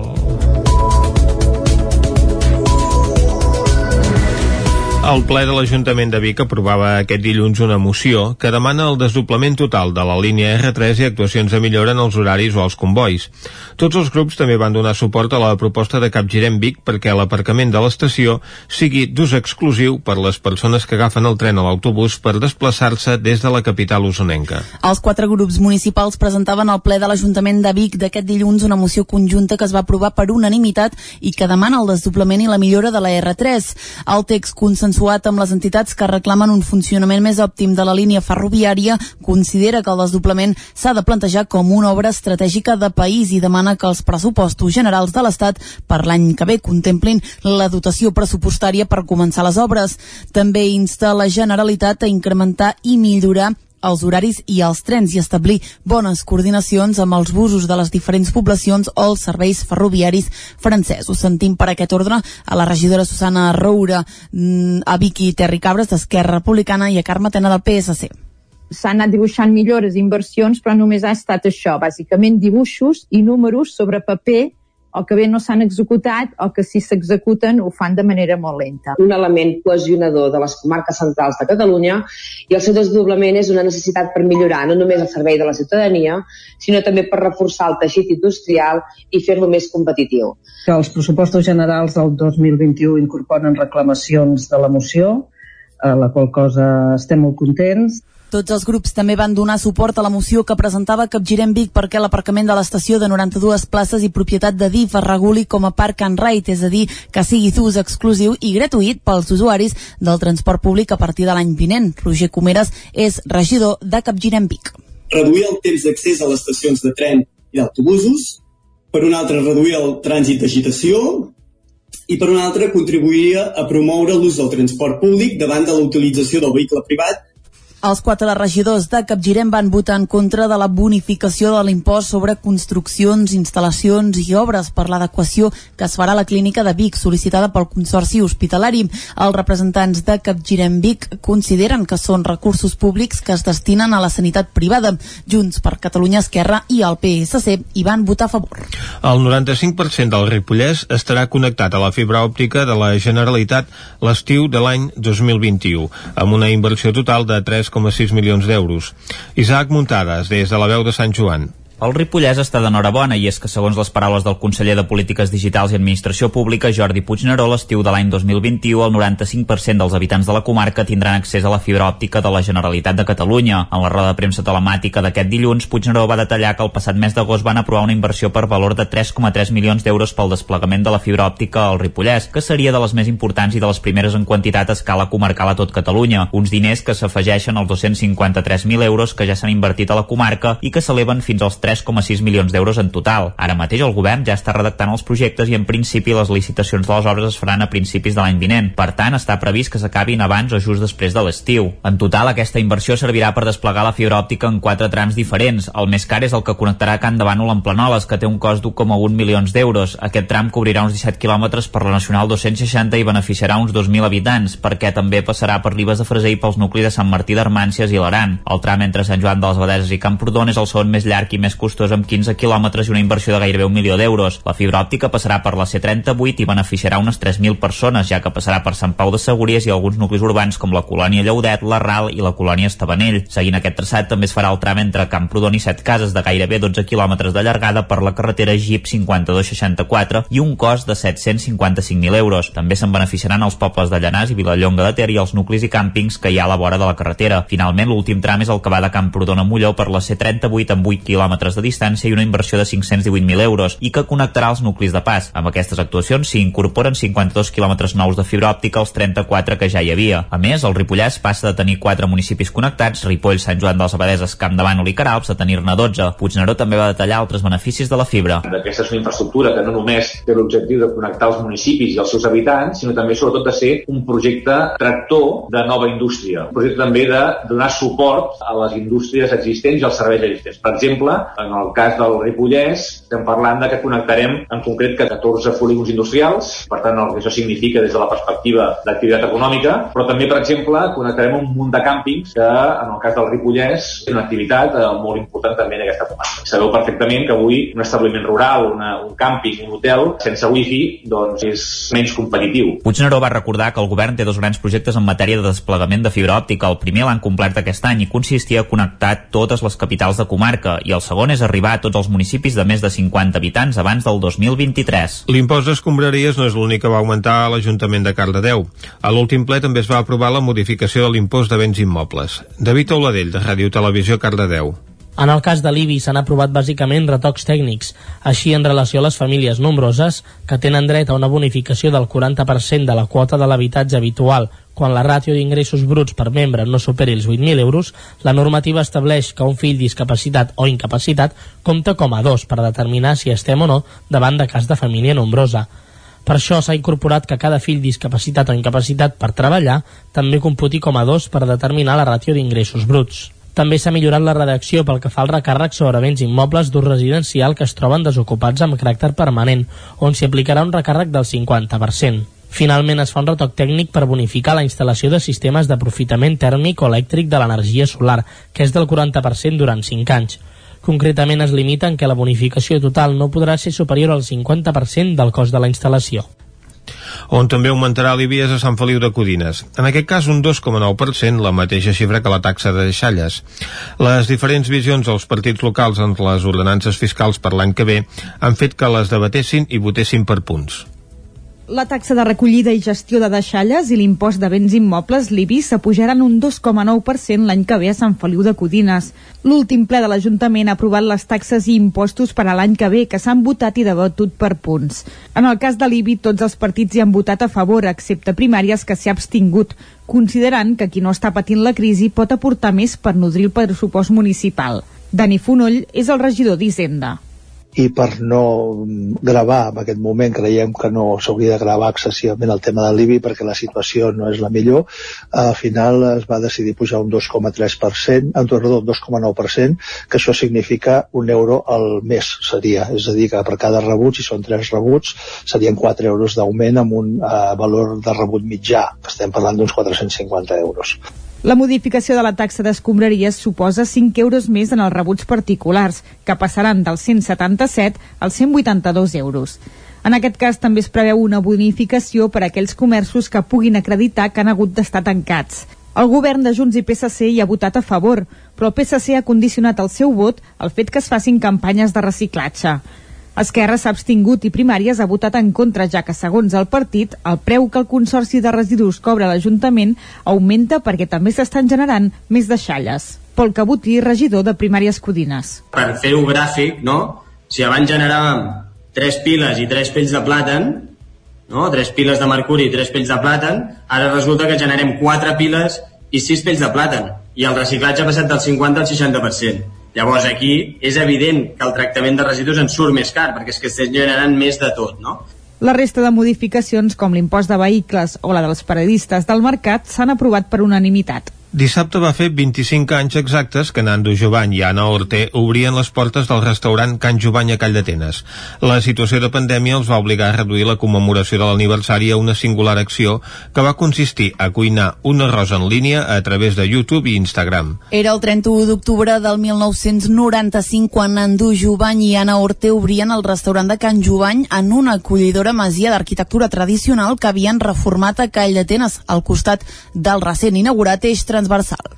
Jo penso que el més contents que estem és, és, és la gent que l'estimació que, que, que ens tenen, no? És a dir, jo penso que les coses que, que sempre parlem que és el que més eh, més ens ha agradat és aquesta família Jovany que hem fet, gent que estimen més Can Jovany que nosaltres, no? que estimen la marca però estimen venir, tant al Petit Comitè com a Can Jovany, com a l'hotel, cada un té uns, uns clients que són eh, increïbles. Només tres anys després d'obrir l'any 1998 els concedien la primera estrella Michelin. Des de llavors, Can Jovany ha estat un dels referents de la gastronomia usonenca i també catalana va ser molt bo perquè doncs, a part de ser un restaurant doncs, que tenia èxit a la comarca doncs, després va, va començar a tenir més clients diguem-ne que venien expressament a menjar de fora de la comarca, no? de Barcelona de Manresa, de Manresa ja en venien però de més lluny, de Girona, d'Olot i clar, tot això ostres, et va anar molt, ens va anar molt bé, la veritat és que ens va anar molt bé. És a dir, sense la gent de la comarca mai ho haguéssim aconseguit, perquè són els que sempre ens han ajudat, sempre, sempre ens han omplert els restaurants, sempre hem tingut clients, molt bons clients i amics, però clar, això de l'estrella doncs va, ser, va anar molt bé, ja no ens en recordem, eh? Diumenge Jovany i tot el seu equip van voler celebrar el 25è aniversari amb un arròs cuinat en línia a través de YouTube i Instagram que van seguir més de 7.500 persones. Eren molts els que havien comprat prèviament els ingredients i que seguien els passos que el xef, acompanyat d'en Peyu, i els anaven indicant per poder fer el mateix arròs a cada casa i fer extensiva la celebració. La suspensió de les activitats culturals decretada pel govern català divendres passat va impedir la finalització del Festival BBVA de Música Religiosa que tenia els tres últims concerts previstos aquest darrer cap de setmana. Els altres tres dels sis que formaven part del festival s'havien portat a terme la setmana anterior, entre el 23 i el 25 d'octubre. El cicle es feia ara després d'haver-se ajornat per Setmana Santa. La comissió organitzadora ha decidit enregistrar les actuacions que van quedar suspeses en un dels escenaris del mateix certamen i difondre-les per via telemàtica. En un comunicat afirmen que el món de la cultura i de la música mereixen alternatives. Amb les entrades dels concerts presencials, el festival va recollir 810 euros que es destinaran al Banc dels Aliments. I fins aquí el butlletí informatiu de les 10 del matí que us hem ofert, com sempre, amb les veus de Vicenç Vigues, Clàudia Dinarès, David Auladell, Gemma Permanyer i Isaac Muntades. Ara el que toca és refrescar la informació meteorològica per saber el temps que ens espera per avui i bé, i també per demà. Vinga, saludem el Pep Acosta de seguida.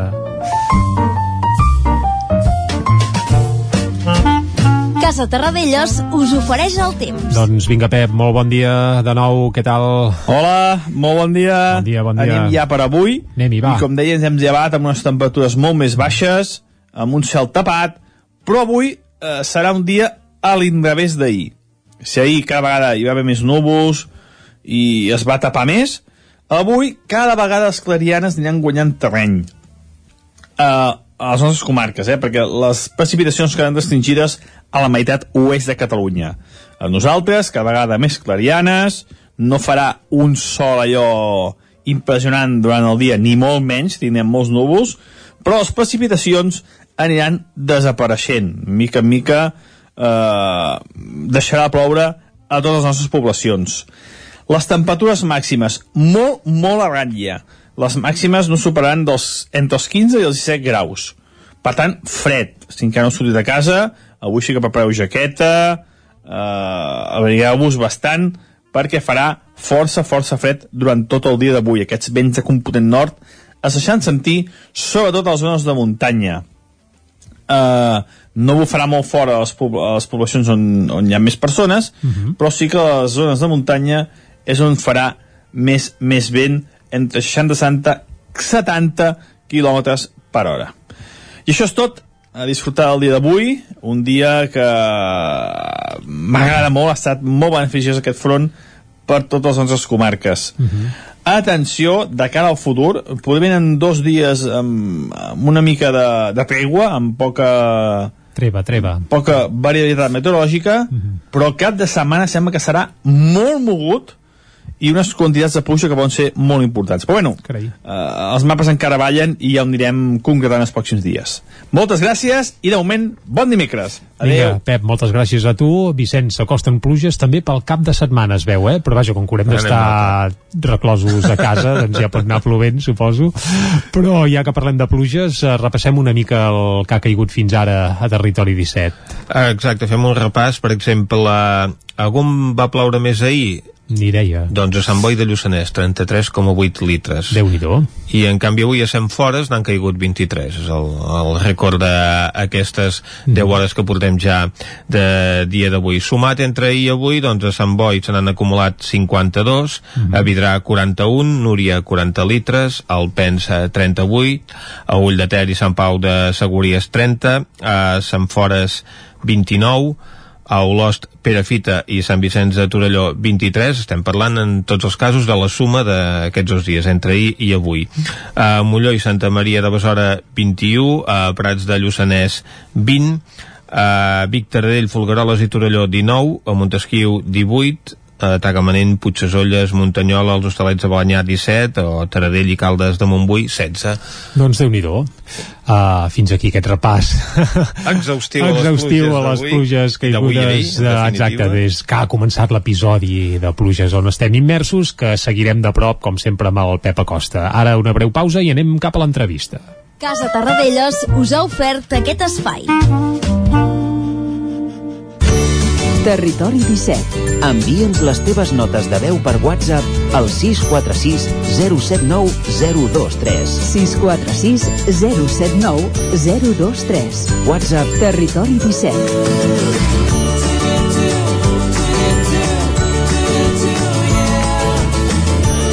Territori 17. Som a Facebook, Twitter i Instagram amb l'usuari Territori 17.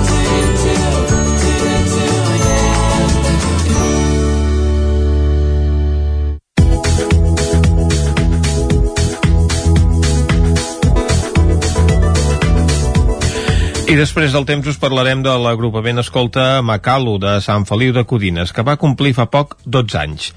L'entitat ha arribat al punt de consolidació del seu projecte a la població després d'un nou relleu al capdavant del cau.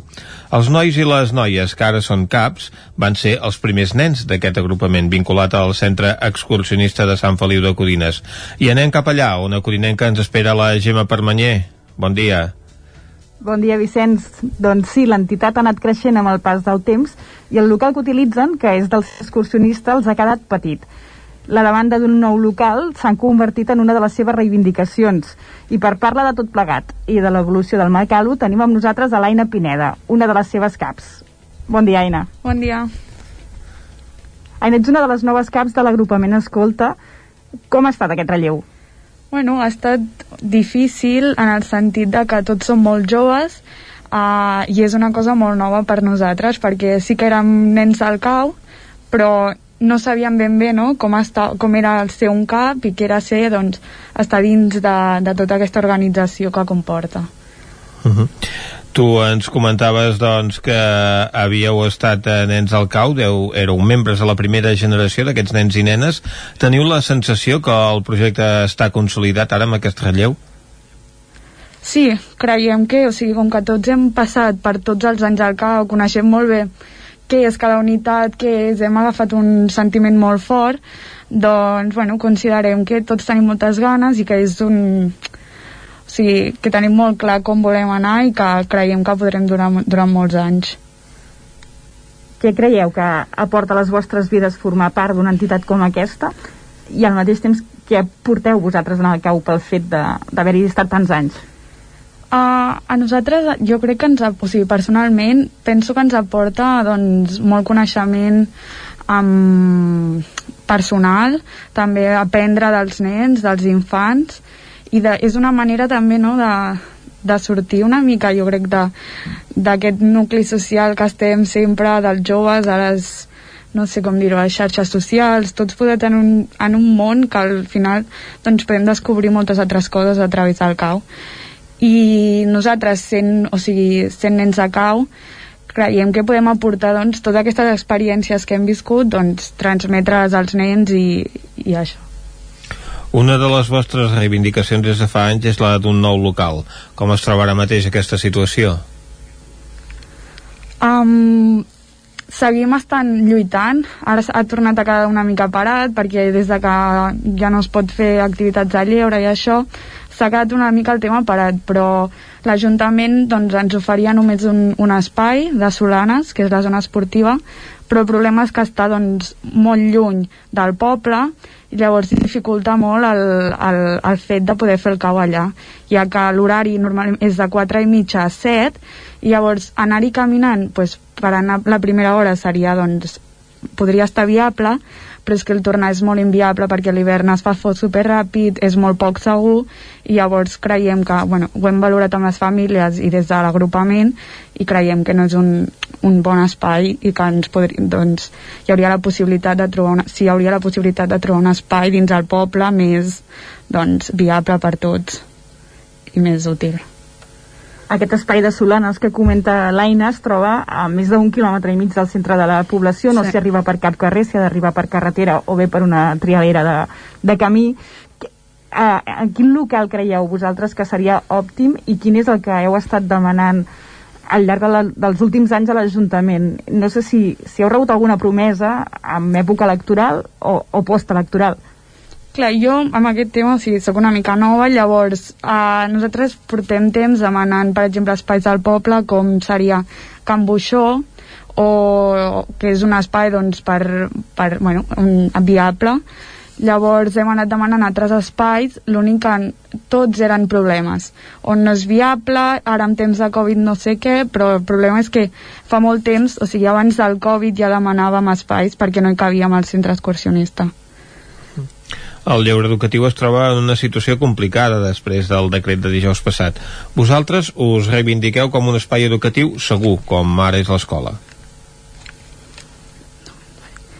Um, nosaltres doncs, sí, creiem que el lleure doncs, és una activitat essencial i, i ara està una situació molt complicada perquè bé els nens poden anar a l'escola poden, o sigui, fan el seu dia a dia, però llavors a l'activitat de lleure, al moment de fer aquestes activitats per sortir del, de l'escola no ens les deixen fer. Llavors, és com, nosaltres creiem que és molt essencial, perquè al final, o sigui, l'educació no s'agafa només llegint un llibre de, de, no sé, de matemàtiques o el que sigui, sinó de, de viure el dia a dia, de compartir amb els companys, de no sé, viure experiències no, a, a la vida real i creiem que el lleure és, una, és un espai on aquests aspectes es poden adquirir. Uh -huh. Com havíeu plantejat aquest curs que a priori es presentava com que podia ser estrany? Doncs nosaltres ja vam... Bueno, hem creat com els grups bombolles, el CAU es divideix en diferents unitats segons les edats i hem creat doncs, aquests diversos grups bombolles els quals no es barre... normalment a vegades fèiem activitats conjuntes entre totes les unitats i aquest any per tema Covid ja vam dir que ho separaríem i que intentaríem fer el màxim d'activitats possibles a l'aire lliure per doncs, evitar cap tipus de contagi. Però clar, també érem conscients de que arribaria això, doncs, poder el fet de fer cau online.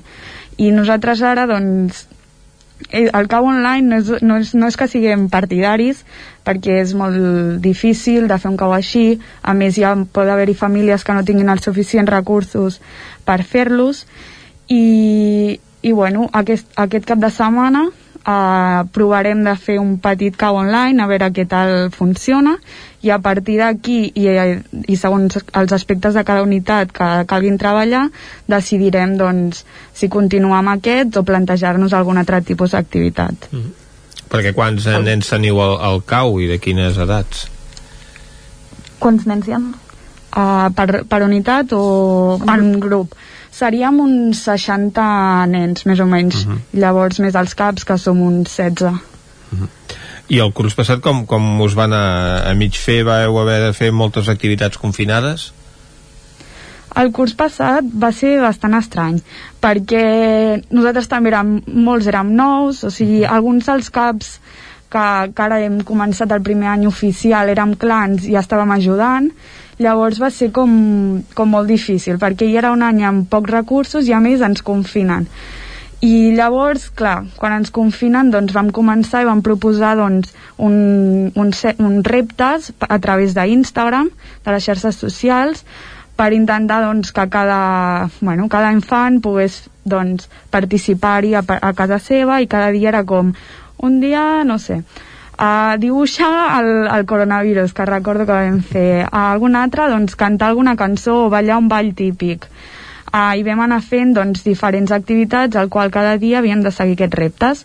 I llavors també vam, vam fer una sèrie de punts i els guanyadors doncs, doncs, tenien un premi al qual vam decidir que seria doncs, un sopar o, o un dinar a un restaurant del poble, ja que també són, és un sector molt afectat pel, pel Covid. Creieu que aquesta situació la d'haver d'anar paralitzant el cau i fent-lo a distància us pot afectar a llarg termini a vosaltres i a la resta d'entitats de, de lleure en el sentit que hi hagi gent que potser es despengi o es deixi de tenir la necessitat de venir?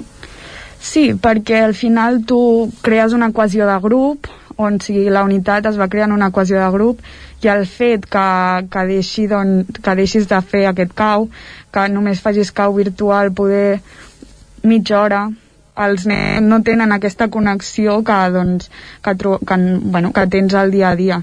I també a través del CAPS, no? pues, és més difícil fer aquesta comunicació si t'has de comunicar coses online, um, i en general qualsevol activitat de lleure o extraescolars, esportives o això, doncs afecta jo crec a, a tots els infants i, i a tothom que estigui involucrat en, en aquestes activitats. Uh -huh perquè us heu trobat efectivament que hi ha aquesta afectació en els infants doncs, que segueixen el cau que també doncs, els afecta no? el fet d'haver de passar tant temps confinats a casa sense anar a l'escola Sí, s'ha notat molt uh, vam fer el, el pas de branques que és bueno, l'inici de curs la, fa dues setmanes i tots els nens tenien moltes ganes perquè portaven doncs això, no? tancats a casa sense poder fer res, socialitzar amb els amics i doncs trobo que, que necessitem que tot això sigui presencial perquè és un gran aspecte social nostre i que nosaltres seguim totes les mesures i això llavors trobo que els nens eh, necessiten no? sortir de casa perquè al final el confinament pot, pot arribar-los com a sentir-se aïllats poder de, de, de tota aquesta de la societat, no sé uh -huh. Doncs eh, moltes gràcies, Aina Pineda, una de les noves responsables d'aquest agrupament Escolta Macalo de Sant Feliu de Codines, que ara ha renovat doncs, la seva direcció i ha incorporat al capdavant de l'entitat un nou equip de persones que precisament procedeixen d'aquella primera generació de nens que es van apuntar a aquesta activitat vinculada al Centre Excursionista de Sant Feliu de Codines. Moltes gràcies per acompanyar-nos, Aina. Moltes gràcies a vosaltres. Gràcies també a la Gemma Permanyer que ens ha acompanyat avui des de Ona Codinenca. Acabem aquí l'entrevista, fem una petita pausa i tornem tot seguit. Territori 17 El nou FM, la ràdio de casa, al 92.8. Només pensar en passar aquesta nit sense calefacció amb aquest fred? No es preocupi, hem analitzat a fons la caldera i de seguida quedarà reparada i en funcionament. Quan tingui un problema amb la seva caldera, vagi directament a la solució. Truqui sempre al servei tècnic oficial de Saunier Duval i despreocupis, perquè som fabricants i coneixem les nostres calderes peça a peça. Informis a Oficiat Nord trucant al 938860040. Saunier Duval, sempre al seu costat. Vols trencar amb l'oligopoli de l'IBEX 35? Apunta't al consum estratègic i comença a consumir serveis catalans. Per això et convidem a omplir el dipòsit a Petrolis Independents. A Osona ens trobaràs al polígon Mas Galí de Vic i a Centelles just després de la sortida sud. Si vols factura, entra a la nostra pàgina web petrolisindependents.cat i dona't d'alta. Comença a ser independent. Tenim la força de l'amor. Cocodril Club. Si t'agrada la bona música dels anys 60, 70 i 80, escolta el 9 FM als matins de dissabtes i diumenges d'11 a 1. És el temps del Cocodril Club, tot un clàssic de la ràdio, amb les bases del pop-rock, les llegendes, les cançons que s'han convertit en autèntics himnes. Recorda, dissabtes i diumenges al matí, d'11 a 1, al 9 FM 92.8. Cocodril Club, el programa revival de l'Albert Malla. Hasta luego, Anuncia't al 9FM. La màquina de casa. 9 3 8 8 9 4 9 4 9. Publicitat arroba al 9FM.cat. Anuncia't al 9FM. La publicitat més eficaç. La Fogonera, resistència gastronòmica. És un restaurant? És un rostidor? És La Fogonera, la cuina en directe des de Gurb, on encarregues, ho vens a buscar i ara també t'ho portem a casa. La Fogonera, resistència gastronòmica. Ara amb la fogonera de dia amb aperitius, arrossos, segons plats i postres. I quan cau la nit, ens transformem en un popurri culinari. Burgers, pizza, pasta...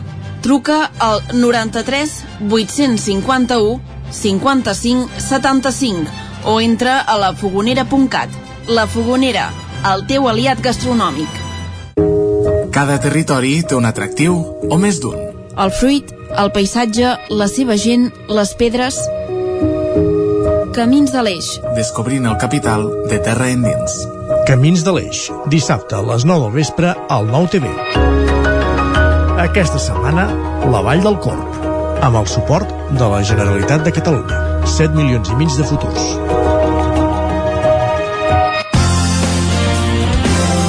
El 9 FM, la ràdio de casa, al 92.8.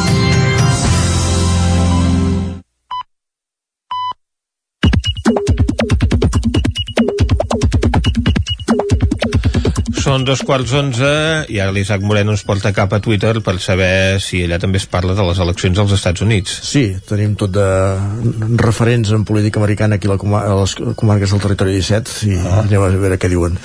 Ah, Pep Poblet, músic, diu, si guanya el pollastre fastigós no em desperteu. Apa, bona nit, això ho deia ahir a la nit. Encara deu dormir perquè com que el resultat és a saber quan se sabrà. Eh... I de moment va guanyant eh, aquest individu al que ell es referia, doncs bé. Guanya? Sí? Doncs els, els estats on encara s'està fent l'escrutini va guanyant i això li donaria més ah, delegats que Joe Biden. Molt bé, molt bé.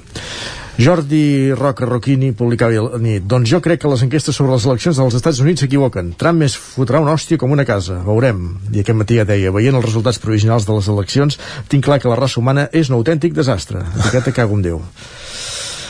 I en Roger Puigdecanet no es mullava tant. Deia, demà un avi, ho deia ell, també, demà un avi amb gairebé dos peus a l'altre barri serà president dels Estats Units. Estan ben sonats. Uh, aquest aquest l'encerta segur. Aquest l'encerta segur, és això.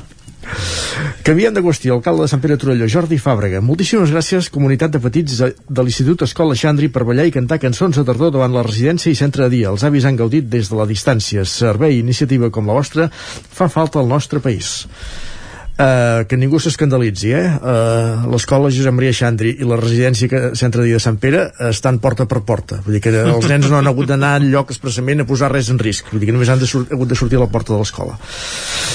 I els avis a mirar-ho des de la finestra. Correcte Jordi Ramolins des de Ripoll diu Fa sis anys el diari de Girona em va publicar aquest reportatge sobre el campió ripollès oblidat, en Joe Walls. Suposo que si en lloc de boxa hagués practicat el running, ara estaríem venerant-lo com si no hi hagués demà. Però clar, és el que té la tartamudesa mental políticament correcta. Queda dit. L'alcaldessa de Vicaner la Universitat de Vic incorpora l'IESABA com a facultat de disseny. Continuem sumant esforços i creant sinergies per potenciar el servei públic de la Universitat de Vic i esdevenir encara més un factor d'equilibri territorial de Catalunya. Uh, ho explicàvem ahir a la taula de redacció, però Exacte. sí, això. Xavi Verdolet, periodista. El tauró fantasma pot arribar a viure a 2.500 metres de profunditat. D'aquí li ve el nom, per xulo. Per si mai us ho demanen o voleu treure el tema. Li respon l'Esteve Camps, des de Sant Julià, diu Sempre que llegeixo aquests tuits, recordo les notícies de l'hora de la veritat. Entre, entre parèntesis, l'antecessora del territori 17. Les esperàvem amb candeletes a la cuina de la troballa. I en Braulet que respon, ja, ja, ja, me les feien fer una mica més llargues. Quan vulgui pot tornar-hi, eh? Oh, i tant, està convidat. Exacte. Roger Usar, músic, diu La meva parella està fent una classe de zumba online a casa. Un temazo més i em tallo les venes. I li respon precisament Xavi Bardolet. Diu, a mi m'acaben de dir, fem un zoom, va, que se suporta millor. I Bé, depèn del contingut del zoom. Ni corto ni perezoso, l'Usar que li respon, jo és que amb les videotrucades em quedo adormit. Crec que ara m'he passat una mica així, eh? Però també té respostes en Santi Canyari, que diu, si no pots, amb elles, uneix-te deu voler dir Onesti, suposo que ballar Zumba. Juan Quim Cruselles que diu està zumbada, ja seria això i acabem amb la segona... Estem molt malament. Eh? Estem molt malament. Per sort, en Miquel Macians hi posa llum. Eh, el cap de setmana es queixava que ni per Tots Sants semblava Tots Sants. Diu avui sí, que fa un dia clàssic de Tots Sants. Sembla que els núvols et caiguin al damunt. Preludi de llevantada? I això només ho pot respondre en Pep Acosta. Ah, per tant, acabem la secció. Molt bé, doncs queda dit aquest encàrrec amb Pep Acosta que ja ens ha dit que el cap de setmana pot ser que plogui molt però ara no farem pronòstics sinó que el que farem és repassar el que diu en portada al 99.cat. Doncs el titular de l'entrevista Daniel López Codina, biofísic membre del grup BICOM de la UPSC, hauria fet falta prendre les mesures actuals molt abans en canvi ahir encara algun sortia algun dient que, que ens estem passant de voltes. Tona resol el contracte de l'allumenat públic adjudicat fins al 2024 al grup Solem. Entitats independentistes d'Osona impulsen un pacte per fer efectiu el més aviat possible el mandat de l'1 d'octubre. El Consorci de Lluçanès farà una formageria col·lectiva al PENS i la pandèmia fa créixer el nombre d'alumnes d'infermeria de la UBIC UCC. Això d'una banda, i anem ràpidament a carregar la portada verda, la del Vallès Oriental, doncs anem d'una banda a l'altra. Que diu, els darrers robatoris en botigues de Granollers revifen el debat sobre el tancament del centre, va que presenta SOS a l'Espai d'Art Contemporani de Castelló la Garriga anuncia una actuació de millora al cementiri de la Doma i Montornès vincula els incendis de contenidors amb un grup que actua de forma coordinada. Molt bé, doncs moltes gràcies Isaac per aquest repàs a l'actualitat. Ara anem a la taula de redacció. Bon dia. Territori 17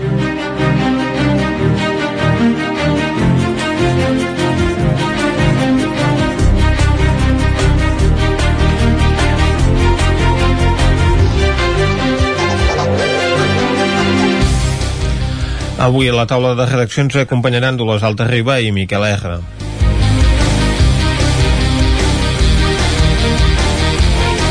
Comencem, Dolors, parlant eh, de la situació de Prismian. Ahir ens en fèiem ressò també i a partir d'avui doncs, alguns eh, treballadors de la planta de Manlleu que podran tornar als seus llocs de treball de forma transitòria, no? Sí, eh, sí, sí. Eh, Prismian divendres de la setmana passada eh, en el marc de la reunió que tenen de seguiment de, de, de l'acord que, que es va signar uh -huh. eh, en el seu moment i en el qual es havien de parlar de, de, de diverses coses, entre elles a veure si hi havia possibilitat de reindustrialització de la planta, eh, de com està anant tot el, tot el tema de l'empresa que està en teoria doncs, recol·locant treballadors que van quedar fora la, el primer cop, diguem-ne, en la primera fornada, uh -huh. doncs eh, l'empresa els, els va dir que, hi havia mm, uns 80, 80 i alguns treballadors que ja no calia que tornessin uh -huh. eh, a treballar. De fet, els al torn de la tarda ja no els van deixar entrar. Exacte. Explicaven des del comitè uh -huh. que, que no els van deixar ni, ni... O sigui, si algú no s'havia entrat, diguem-ne, si algun treballador no sabia que, que no havia d'anar a treballar, quan va arribar ja no va trobar la possibilitat d'entrar, de, no? Uh -huh. I, I bé, eh, ara eh, aquesta setmana em sembla que han de tornar a tenir una altra, una altra reunió d'aquestes per veure com queda. El que va decidir l'empresa és que se'ls se pagaria fins a 30 de novembre, diguem-ne, i uh -huh. per tant, però ja no havien d'anar a treballar, eh, tot aquest gruix de treballadors, i la resta eh, doncs s'haurà de veure. El que ha fet és parar totalment el que vindria a ser la producció, la producció de, de, de cable, tot i que queden algunes, alguna cosa, alguna feina per fer, que en principi això eh, s'acabarà de fer i, i també es veurà aviam què passa, sobretot amb la part de, de laboratori, que és l'únic laboratori que l'empresa o que la multinacional té a Espanya de, de, de testatge, de, val, de, uh mhm. -huh. per provar nous productes i, i aquest tipus de temes.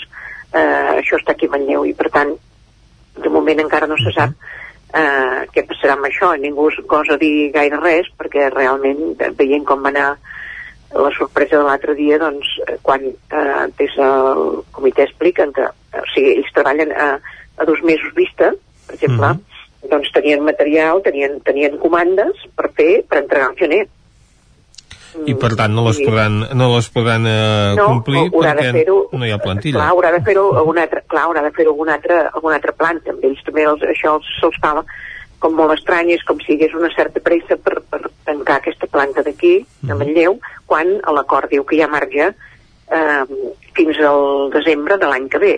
Uh. -huh. I, i, de, I en aquest sentit, doncs, des de, des de comissions, que és el sindicat majoritari en el comitè, doncs, doncs ja parlen de que això és un, un incompliment dels compromisos que dels compromisos que s'havien que s'havien acordat, no? Uh -huh. eh, tampoc, tampoc està clar, eh, no, no han donat en cap moment cap, cap, cap pista o no s'ha facilitat eh, res al tema de reindustrialització, que això també uh -huh. estava acordat. Eh, mm, es, havia, es havia parlat de buscar doncs, altres empreses que es poguessin situar en aquest punt i això, segons semblava, sembla, de, deia l'acord que era, eh, es faria durant el primer mig any i ells han comptat aquest primer mig any mm, sense tenir en compte, per exemple, tot el tema de la Covid, no? I tot el, tot el, Clar. l'aturada general que es, que es va fer, no? En aquest moment no hi ha, no hi ha cap, mm, cap idea, cap projecte en aquest moment. No sé si durant la setmana pot sortir alguna cosa o d'aquí uns dies, però en aquest moment no hi ha cap projecte, cap idea de que alguna empresa es pugui situar en aquest espai que és molt gran, hi ha una planta de 35.000 metres quadrats i una altra de 72.000 metres quadrats, Uh -huh. que, que, que estan adaptades, evidentment, per al tipus de, de fabricació que es feia de cables, però, en fi, això també sempre es pot tenir, eh, es poden fer divisions, es pot fer alguna altra cosa. El que preocupa també és que no es veu un, un horitzó de, de, de, de, de com se, de, de què s'hi pot fer en aquest, en aquest espai, no? L'acord amb els treballadors sí que és clar, però ells se senten una mica com allò, com si, com si eh, com, com em deien com un gos que li, que li dones una cosa, no? I el fas fora, no? Uh Una mica la sensació que tenen eh, doncs, doncs és aquesta i no entenen per què, per què hi ha hagut aquest, aquest el, el cop així de, de pressa i corrents mm, o sigui, eh, això que diem, eh, en poques hores, doncs a dir, doncs ara tot, tot parat, eh, quan el tema de la Covid, que és una de les, de les coses que des de l'empresa diuen, que és una, un dels problemes que hi ha hagut, que diuen que tot el tema de la Covid ens ha fet baixar la producció a nivell general i tal, i que, que aquesta és la causa, doncs sí, d'acord, però, però en fi, tots sabem ja, diguem-ne, no?, la, les onades que s'han passat, el cop fort que s'ha passat i que, i que això també tindrà, doncs, segurament una certa continuïtat. Bé, mm, Perquè aquesta, està- aquesta pressa de tancar podria derivar de l'interès d'algú en adquirir aquestes naus de Manlleu, perquè l'altra factoria de l'empresa de Montcada i Reixac doncs, va tancar a l'abril i ja està venuda. Sí, però és que precisament el, el, que, el que sembla que arriba una empresa que havia estat interessada eh, de- ho han deixat córrer s'ha deixat córrer, o sigui que no, no hi ha molta informació sobre això i l'empresa no en dona, eh? perquè evidentment fins no tingui un acord tancat i tal. En tot cas ha de ser potser és alguna, al, alguna possibilitat que té la pròpia empresa i que no ha comunicat, però mm, ningú sap res. Per això, eh, clar, si, si justament aquella reunió era per, per, per veure en quin punt estava aquest tema i el que es va fer és, és diguem d'alguna manera, fer caure la bomba de, de tanquem, doncs no, no, no, no, no queda clar, però sí que des dels treballadors ho veuen també així estrany, diguem no? que hi hagi com molta pressa perquè es van desmuntar, diuen, màquines eh, d'aquestes que feien aquesta producció de, de cable d'alta tensió i no s'han encara no s'han pas posat en altres plantes. Són màquines que s'han desmuntat i s'han quedat en un magatzem per tant eh, sí que hi ha una mica de, de bueno, una mica bastant d'incertesa eh, d'incertesa en aquest sentit. El, la planta de Montcada eh, en realitat ara ja no hi és. O sigui, la, ja, ja l'han tirat a terra perquè en realitat el que es va fer va ser bueno, vendre aquell espai. L'han tirat a terra perquè l'ha comprat un grup de distribució que el que li interessés és fer un magatzem de logística, no? que, que els magatzems de logística perquè queda doncs, a, a tocar de l'àrea metropolitana i, i és un bon punt. Eh, I en aquest, en aquest cas això es va tancar així, però aquí no... Eh, ja et dic, eh, potser tornem a tenir una altra sorpresa d'aquí d'aquí uns dies i, i, i, i, i sí, resulta que hi ha una empresa que s'ho queda tot, però de moment no, no és el que sembla. A veure, a veure. Molt bé, doncs ho anirem veient. Gràcies, Dolors. Bon dia. Nosaltres ara canviem de temàtica i ens n'anem al sector de la restauració amb en Miquel R, que està de celebració. Correcte, estava, estaríem de celebració. Eh, Vas un- fer arròs dissabte? No ho vaig fer, no ho vaig fer, ho reconec. Uh, és un sector que també ho està passant malament, de fet, uh, un sector que tots ho sabem, han passat uh, els i baixos, van poder reobrir, tornen a estar tancats, per I tant... sobretot els restaurants amb més solera. Correcte, estan, de, de, ja dic, una mica tots, eh? està tocant uh -huh. des dels més petits, eh, precisament, eh, el que venia a parlar-vos són dels 25 anys de Can Jovany, Exacte. i precisament a vegades el, els grups grans ho han pogut capejar millor, poder perquè tenen més, més vies de finançament amb els bancs, poder perquè tenen uh -huh. més alternatives, en el, en el cas concret d'en Nanjo Jovany per aquesta capacitat a vegades de reinventar-se no? En, en, doncs, tots recordarem que enmig del confinament doncs, van muntar aquella, aquella fàbrica de croquetes no, pel grup el, que estan fent 20.000 croquetes diàries pel grup Ametller uh -huh. eh, mhm. aquesta, buscar, aquesta capacitat que tenen de buscar noves línies eh, de negoci parlàvem d'això, de, de 25 anys que van obrir Can Jovany eh, a Call d'Atenes en aquell moment ell i la seva parella, l'Anna Orte, tenien això, 24 i 23 anys respectivament, uh mhm. -huh. per tant, molt jovenets, al cap de 3 anys els hi van donar ja una estrella Michelin, per tant, eh, allò va, va, va ser un creixement exponencial molt ràpid.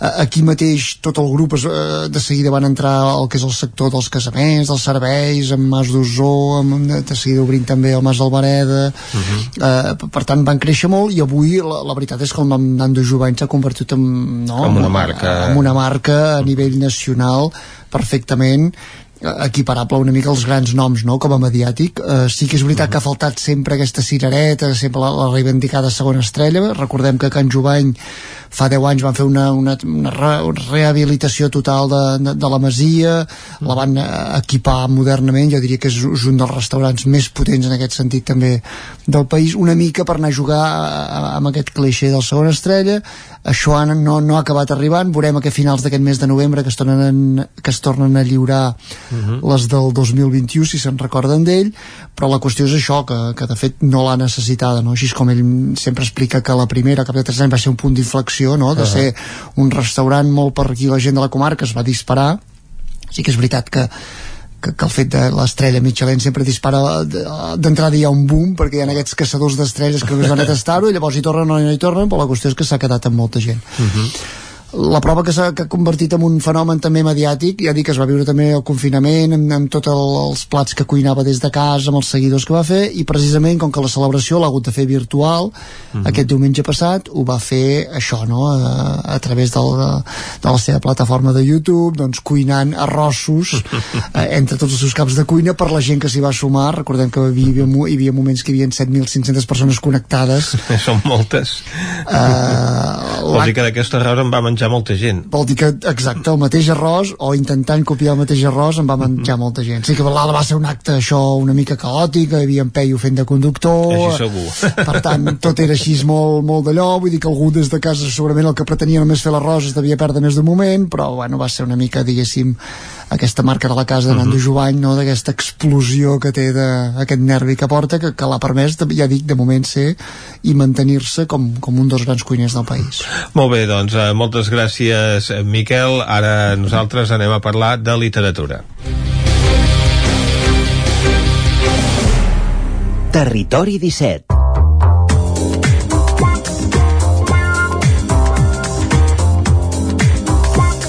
Doncs, com bé deies, Vicenç, ara ens toca obrir uh, la finestra al món literari, a Lletra Ferits, que avui em sembla que anirà cap al Ripollès, oi? Doncs sí, avui ens espera des de la veu de Sant Joan l'Isaac Muntades. Bon dia, Isaac. Bon dia, Vicenç. Bon dia, Jordi. I felicitats perquè hi va guanyar el Madrid. Uf. Home, a Europa feia tant que no ho feia que sí, sí. És... Bueno, Bones notícies, bones notícies, sí, sí. Però bé, avui... Eh, em sembla que no és gaire madridista, eh, el nostre convidat d'avui, però ja, ja ens ho dirà ell. Uh, avui uh -huh. tenim amb, amb nosaltres el canolenc Gerard Fosses, que, que té 33 anys i actualment treballa de Product Manager a, a Filmpèdia, que és un projecte de cinema per educació. Uh, Fossa sempre ha estat molt vinculat al món de la pantalla gran i des de fa molts anys doncs, uh, exerceix de crític de cinema. De fet, uh mhm. -huh. és col·laborador habitual de, de la secció de cinema al magazín de la veu de Sant Joan, la nostra emissora, i ell també ha estat redactor de la revista Cinemes Còmics, La Finestra Digital o Serra d'Hora, entre d'altres publicacions. En definitiva, ja veieu que Fossa té una vinculació molt important amb el cinema i avui amb ell no parlarem de cinema, sinó que parlarem de La naturaleza se revela, que és un llibre d'assaig eh, cinematogràfic sobre cinema de terror amb temàtica ecològica. El llibre està editat per l'editorial Hermenaute i ha estat coordinat pel codirector artístic del Terror Molins, Javier Rueda, que compta amb un pròleg del periodista i crític de cinema Àlex Gorina i amb les signatures de Guillermo Triguero, Patricia Clapés Sagà, Marta Torres, Sandra Lopera, Carles Ajenjo i evidentment doncs, Gerard Fosses i després d'aquesta presentació saludem el nostre convidat, en Gerard. Bon dia, Gerard, moltes gràcies eh, per atendre'ns. Hola, què tal? Gràcies a vosaltres. La primera pregunta, Gerard, és obligada. Tu estàs vinculat uh, al món del cinema. Com entres a participar en la creació d'un llibre com és La naturaleza se revela? Com, com t'ho proposen i, i quin paper hi tens amb tot plegat? Bé, el, aquest llibre de la naturaleza se revela és un, és un llibre d'assaig cinematogràfic que és, és potser no un gènere molt conegut, però bàsicament és una unió de, de diferents autors que escriuen sobre cinema d'una manera molt transversal al voltant d'un tema. I en aquest cas a mi m'arriba la proposta arran del festival de, de Molins de Rei, el Terror Molins, eh, que ja, ja ha col·laborat en diversos llibres, de, o sigui, dels, quatre, dels cinc que han fet, i he participat en quatre, i és com una amistat que, que mantenim al llarg dels anys, perquè ja fa molts anys que vaig al, al festival, i bé, m'ha d'oferir aquesta col·laboració amb la qual estic encantat de participar sempre que pugui. Uh mhm. -huh. Com ens comentes, aquest eh, llibre és el llibre oficial del Terror Molins, aquest festival de cinema de terror de Molins de Rei, que es publica doncs, per cinquè any eh, consecutiu. Com, com és aquesta possibilitat de fer un llibre oficial? No sé si ja es pot adquirir o encara s'han d'esperar uns dies. Bé, el llibre oficial és una iniciativa que, que forma part de, de molts festivals, dels festivals grans sobretot des de fa anys, uh -huh. i el Terror Molins doncs, va tenir ganes de, ja fa un temps doncs, d'intentar arrencar, no? fent publicacions molt ambicioses i, i de fet Hermenaute va començar a publicar llibres amb, amb Molins de Rei i ara també fa llibres de, tant del Festival de Terror de, de Sant Sebastià, que s'està celebrant actualment, com de Sitges des de fa ja un parell d'anys o sigui que, que fan realment unes edicions molt, molt bones i a més a més tenen col·leccions molt bones d'assaig concretament Mm -hmm. La naturaleza se, releva, uh, se revela, Gerard, uh, aborda una temàtica que hem vist molt sovint uh, al cinema de terror, com és l'ecoterror. Què és aquest subgènere en concret? Si ens ho pots explicar una mica i, i no sé si ens en pots posar algun exemple uh, de la gran pantalla perquè nosaltres uh, ho puguem entendre una mica millor. Sí, l'ecoterror és un concepte molt ampli, perquè al final parla de d'elements de la naturalesa que amenacen a l'home, i això està parlat doncs, doncs, dintre les claus del, del gènere de terror. O sigui, hi ha exemples eh, paradigmàtics de, de molt tipus. Eh? També podem parlar d'amenaça de, de monstres alienígenes, com poden ser Alien o pel·lícules més recents com, com Life o com l'amenaça d'Andròmena, que és un, és un virus de, de l'espai exterior, o coses més terrenals, com per exemple els pàjaros de Hitchcock, eh, podria considerar-se ecoterror perquè és com una rebel·lió de, dels ocells contra, contra els homes, no? Fins i tot el planeta dels, dels cimis, que és un clàssic de, del cinema, i dintre d'això doncs, eh, pots anar escarbant moltíssimes coses, també en literatura. Jo, per exemple, amb el capítol parlo en concret de dues obres, una, una de Lovecraft, que és El color que caia del cielo, o per exemple la Guerra dels Mons de, de H.G. Que, que és molt paradigmàtica també dintre del, del terror ecològic perquè sí que parla d'alienígenes però també parla de com els éssers humans doncs, eh, tractem o les bactèries o la resta d'elements de, de l'ecosistema natural.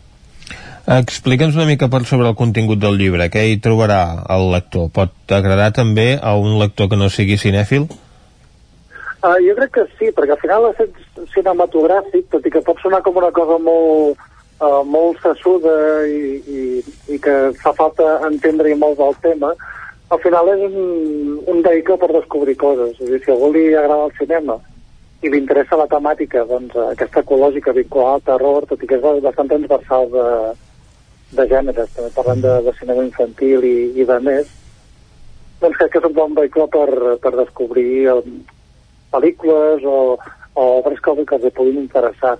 El llibre s'estructura per capítols, en aquest cas el meu està molt centrat dintre, o sigui, des, d'un punt de vista científic, doncs preguntar-nos què, què és la vida i evolucionar-ho cap, a, cap a temes més humanístics, més filosòfics, i tot és això a través de, de la història del cinema de terror. Però bé, altres companyes doncs, han fet, per exemple, un, un repàs a l'ecoterror dintre del cinema asiàtic, que és molt important, fins i tot en pel·lícules de Ghibli, com, com La princesa Mononoke o, o Nausicaa de, de la Vall del Vent, de, de Miyazaki, que són pel·lícules per veure amb canoia que, que són molt interessants per fer un missatge positiu. Uh, se senten també, hi ha un capítol que és un repàs històric al cinema de l'ecoterror, uh, un que es dedica més a, a cultes pagans, que, que també és una, una, una idea molt vinculada a la naturalesa, tota aquesta religió que no, que no és cristiana, que és, que és més espiritual, doncs aquestes, aquests altres tipus de, de religions doncs, estan molt vinculades a la Terra, no? I, i és molt interessant. O, o d'altres que fan repàs, per exemple, al cinema australià, que té una llarga tradició, tot i que no és especialment coneguda, de, de, de cinema de terror vinculat a, a això, a temàtiques ecològiques. Mm -hmm. No sé, a més a més, si dins de l'ecoterror, eh, Gerard, si podrien incloure també les malalties, eh, sobretot mm. ho, ho comento per, a, per al tema doncs, de l'arribada aquest any de la pandèmia de, del coronavirus, que ens ha marcat totalment aquest 2020, que a més a més aquest llibre en principi està escrit abans de, de, de que arribés la pandèmia, no? Per tant, no, no sé com... Si, si ja n'hi ha algun capítol que parli d'això, si, per exemple, d'aquí cara al futur es podria... Doncs donaria per escriure un altre volum, no sé si, si us ho heu plantejat en aquest sentit. Sí, bueno, de, de fet, el, el tema va sortir abans de, de que sorgís tot el tema de la pandèmia, perquè es va, es va decidir cap allà al gener, més o menys, tot i que no es va anunciar de cara al públic, i, i, i de fet el, el tema de, dels virus i les pandèmies em toca a mi bastant de prop.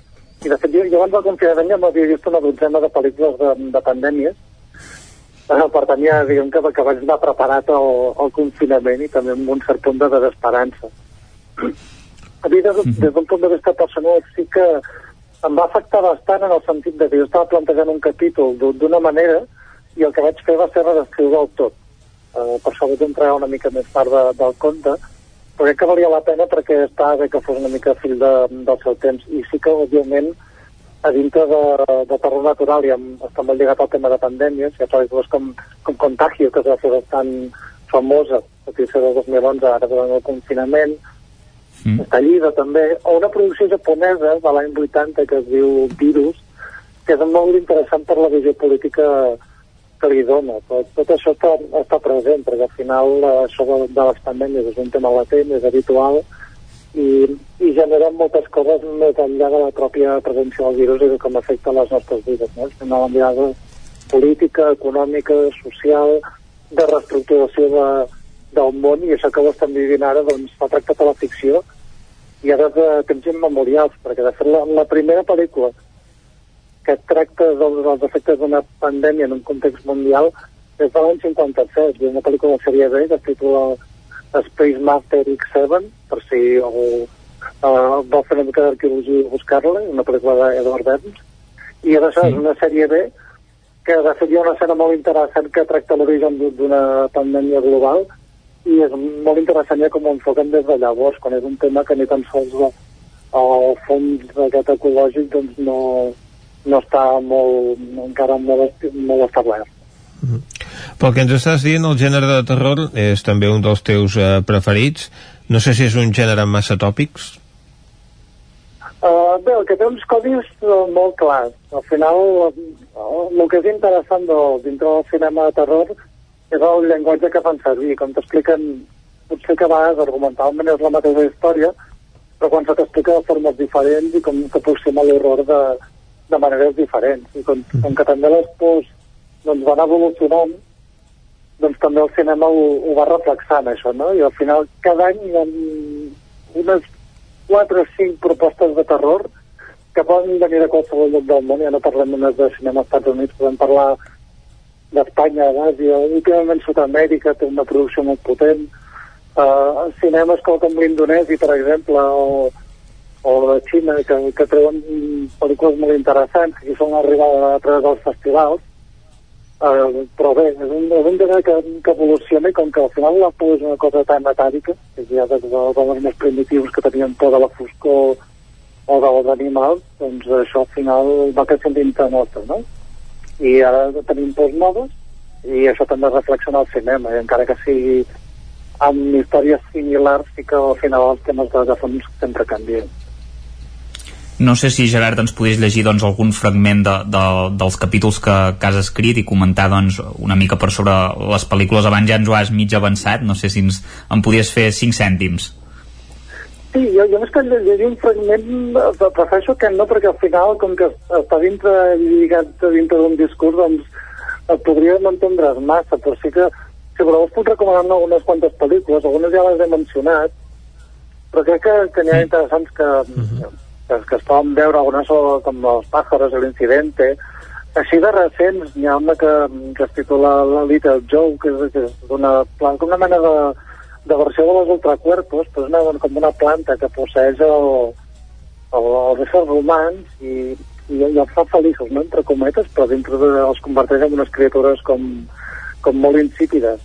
Uh, també dintre de a Netflix, per exemple, hi ha Aniquilació, que és una pel·lícula de, de fa uns anys, que també que hi ha un, com una entitat alienígena que deforma tota la naturalesa tal com la coneixem, que visualment és una pel·lícula molt, molt interessant.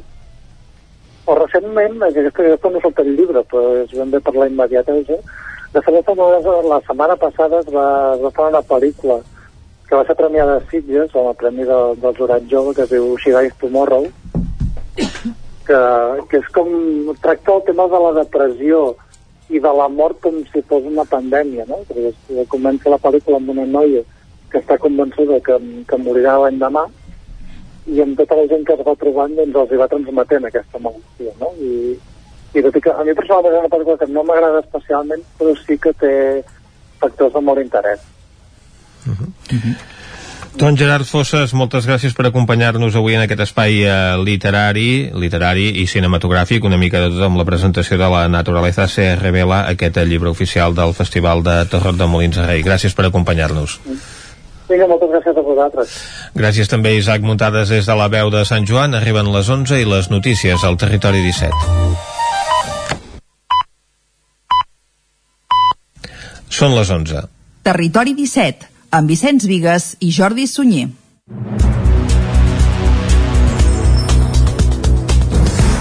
I a les 11 en punt torna la informació de les nostres comarques, les comarques del Ripollès, Osona, el Moianès i el Vallès Oriental.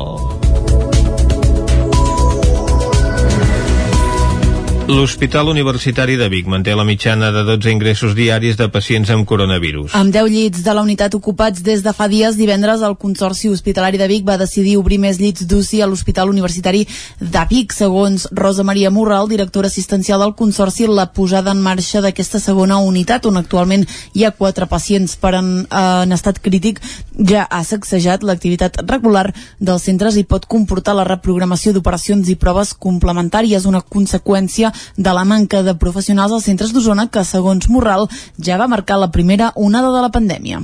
El que falta, però no el Consorci, sinó tot Catalunya, són molts més professionals, perquè no n'hi ha en el sistema. No, nosaltres hem intentat contractar des de la primera onada fins ara tot el que hem pogut, però tot i així no, no hi ha més professionals a Catalunya i probablement fora de Catalunya tampoc. Aleshores, el, el nostre factor limitant ara mateix són, són els professionals. Al llarg d'aquesta setmana l'Hospital Universitari també està previst desplegar una nova planta destinada a pacients amb coronavirus que s'afegiria a les tres que ja hi ha actualment. A la Santa Creu, on el nombre de pacients Covid també ha anat en augment, actualment hi ha 36 persones ingressades amb un diagnòstic positiu de coronavirus.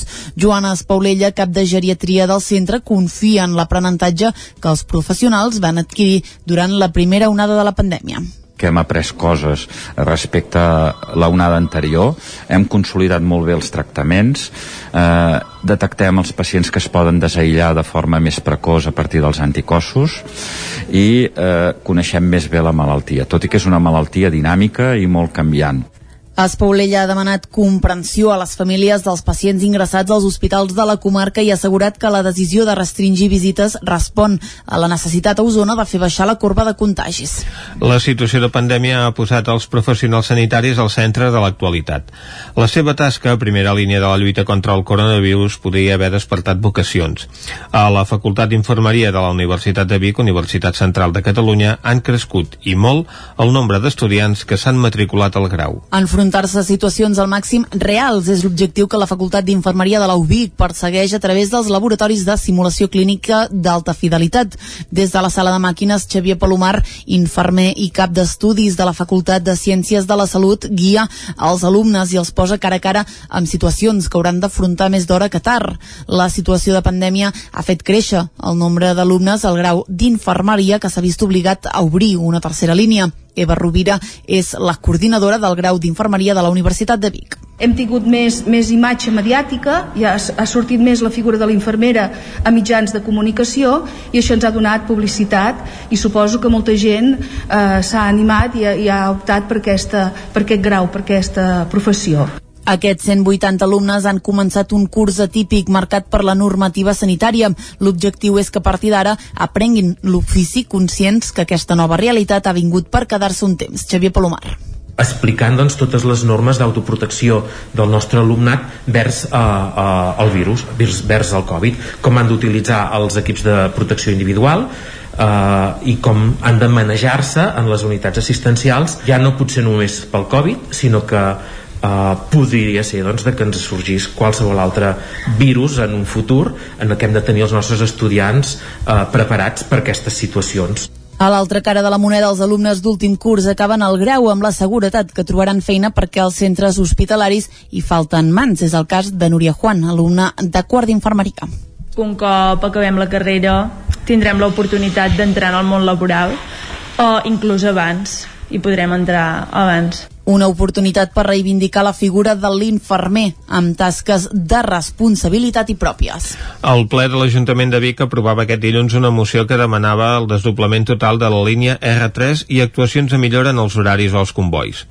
Tots els grups també van donar suport a la proposta de Capgirem Vic perquè l'aparcament de l'estació sigui d'ús exclusiu per les persones que agafen el tren a l'autobús per desplaçar-se des de la capital usonenca. Els quatre grups municipals presentaven al ple de l'Ajuntament de Vic d'aquest dilluns amb una moció conjunta que es va aprovar per unanimitat i que demana el desdoblament i la millora de la R3. El text consensuat amb les entitats que reclamen un funcionament més òptim de la línia ferroviària considera que el desdoblament s'ha de plantejar com una obra estratègica de país i demana que els pressupostos generals de l'Estat per l'any que ve contemplin la dotació pressupostària per començar les obres.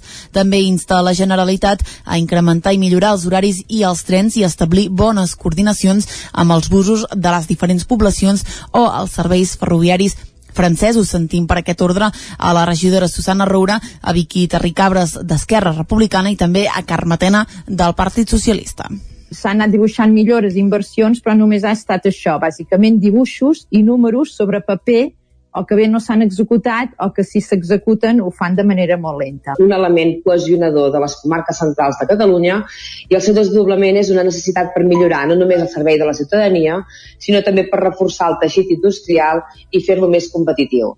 Els pressupostos generals del 2021 incorporen reclamacions de la moció, a la qual cosa estem molt contents.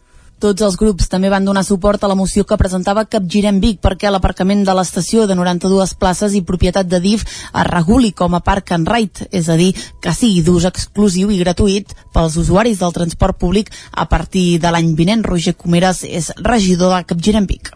Reduir el temps d'accés a les estacions de tren i d'autobusos, per un altre reduir el trànsit d'agitació, i per una altra contribuiria a promoure l'ús del transport públic davant de la utilització del vehicle privat els quatre regidors de Capgirem Vic van votar en contra de la bonificació de l'impost sobre construccions, instal·lacions i obres per l'adequació que es farà a la clínica de Vic sol·licitada pel Consorci Hospitalari.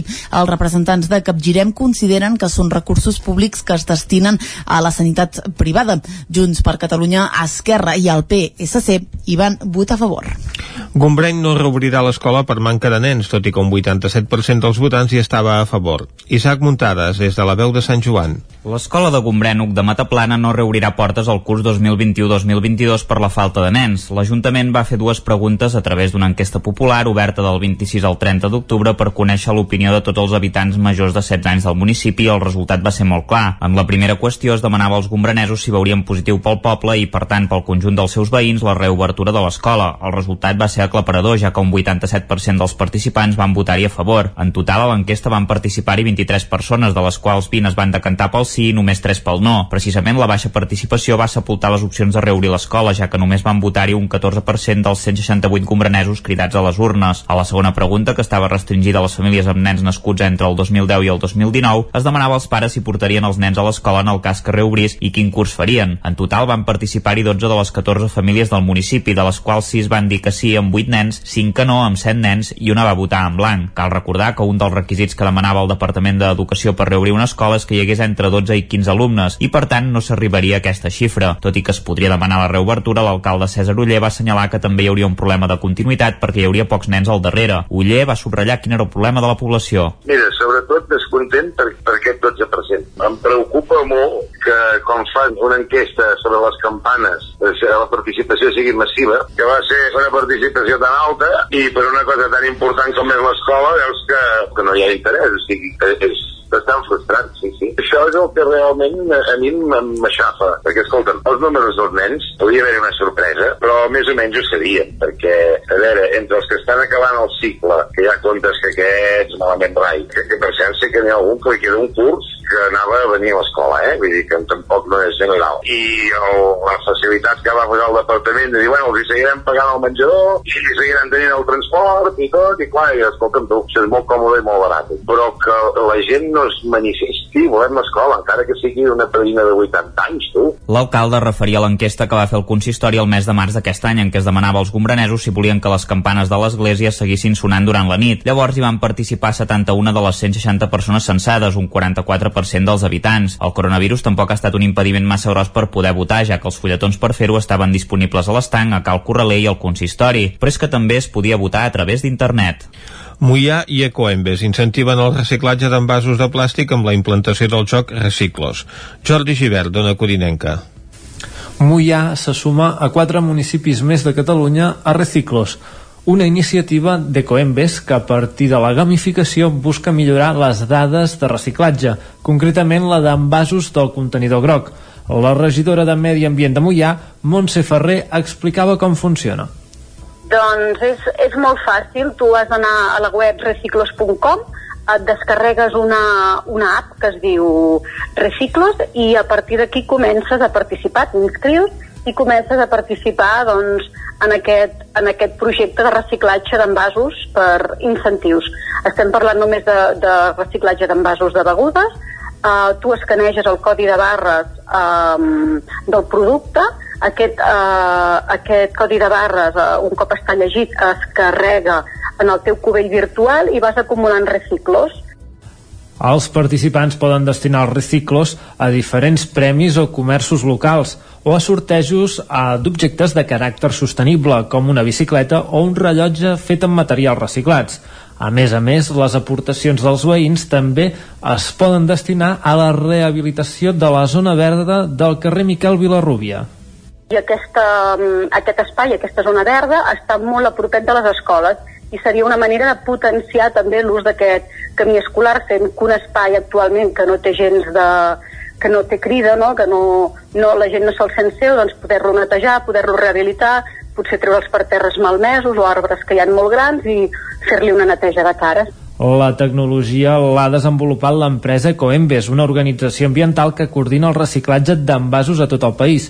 Reciclos ja és una realitat a quatre municipis catalans i a la comarca del Pla de l'Estany i l'objectiu és que aquest sistema arribi a totes les regions de l'estat espanyol l'any 2021. El Festival de Músiques de l'Orient Mitjà i de la Mediterrània, el Labyrinth Catalunya, tenia preparat per aquesta tardor seminaris i concerts, que com ja va passar a la primavera, no s'han pogut fer. David Auladell, de Ràdio Televisió, Cardedeu. Aquesta era la primera vegada que el festival ampliava la seva oferta a la tardor. La Covid, però, com ja va passar el mes de març, ha fet que un altre cop s'hagin hagut d'adaptar les circumstàncies per fer els seminaris online i suspendre els dos concerts que tenien programats al Teatre Auditori de Cardedeu. Cristos Barba, president de Labyrinth Catalunya. Con el apoyo del ayuntamiento y la, de la tele que vosotras, de Tele Cardedeu, que agradecemos mucho. Como la colaboración los haremos con, de puerto, con puertas cerradas y haremos una grabación con multicámara y multipista y pronto en unas semanas o esperemos, esperemos poder publicarlas en un vídeo que bueno, será el concierto online. En total, 8 seminaris de professors d'Espanya i Europa que van arribar a Cardedeu amb el toc de queda, hospedats a cases cardedeuenques i que marxen sense haver pogut fer els seminaris de manera presencial. Cristos Barba. Eh, nuestro deseo era poder re reunirnos, aunque menos personas, pero sí que hacer uh, clases presenciales, porque desde marzo creo que todo el mundo también está mm, bueno, un poco cansado del online, ¿no? Que eh, está bien, es lo que podemos hacer ahora, pero teníamos esa ilusión y ahora la verdad es que hacer online vemos que tampoco hay tanta dinámica, o sea, la gente eh, en general el público no, no, és, eh, no s'aputa tan fàcilment no, a los talleres online. Des de l'organització, però, no es rendeixen i saben que ara mateix només poden adaptar-se a la situació, mirar el futur i esperar poder fer un festival presencial amb tot el que l'experiència suposa.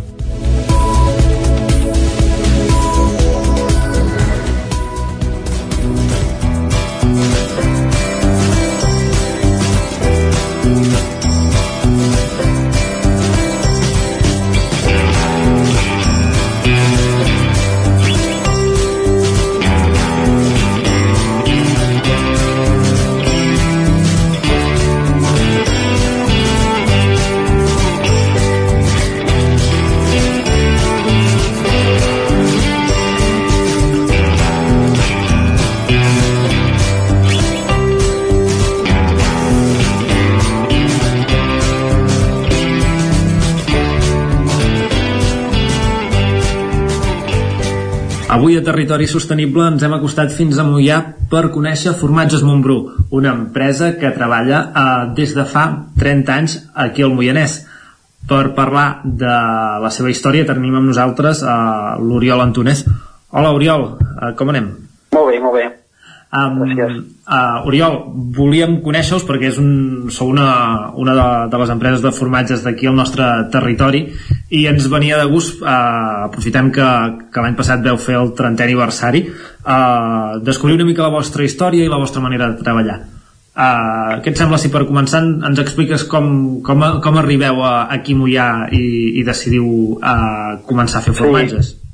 Sí, de fet, de fet parles de que fa 30 anys, eh, o sigui l'any passat vam fer 30 anys que d'història de la formatgeria, però realment són 30 anys de, de treballar oficialment, no? Uh -huh. eh, jo sempre dic que la, la tradició formatgera doncs ve de, diria que de, de cents d'anys enrere, perquè a la, a la masia dels meus avis ja s'havia fet tota la vida mató, mató amb llet de cabra, i això ja era una tradició de, dels meus besavis i els meus avis, el que passa és que era ben bé economia de subsistència, allò de fer el quatre matonets i vendre'ls al poble, uh -huh. i, i va ser fa 30 anys doncs, que, que això vam passar a fer d'una manera ja més, més oficialitzada i, i amb més ganes i amb més energies, i ja no només aquest mató, sinó doncs, també un formatge fresc, uns formatges madurats, sempre amb la llet de cabra del, del ramat de casa, Uh -huh. i mica en mica doncs, eh, anant agafant una miqueta més de llet als ramaders que hi havia a la vora i, i anar venent no només al poble sinó anar creixent una miqueta doncs, comercialment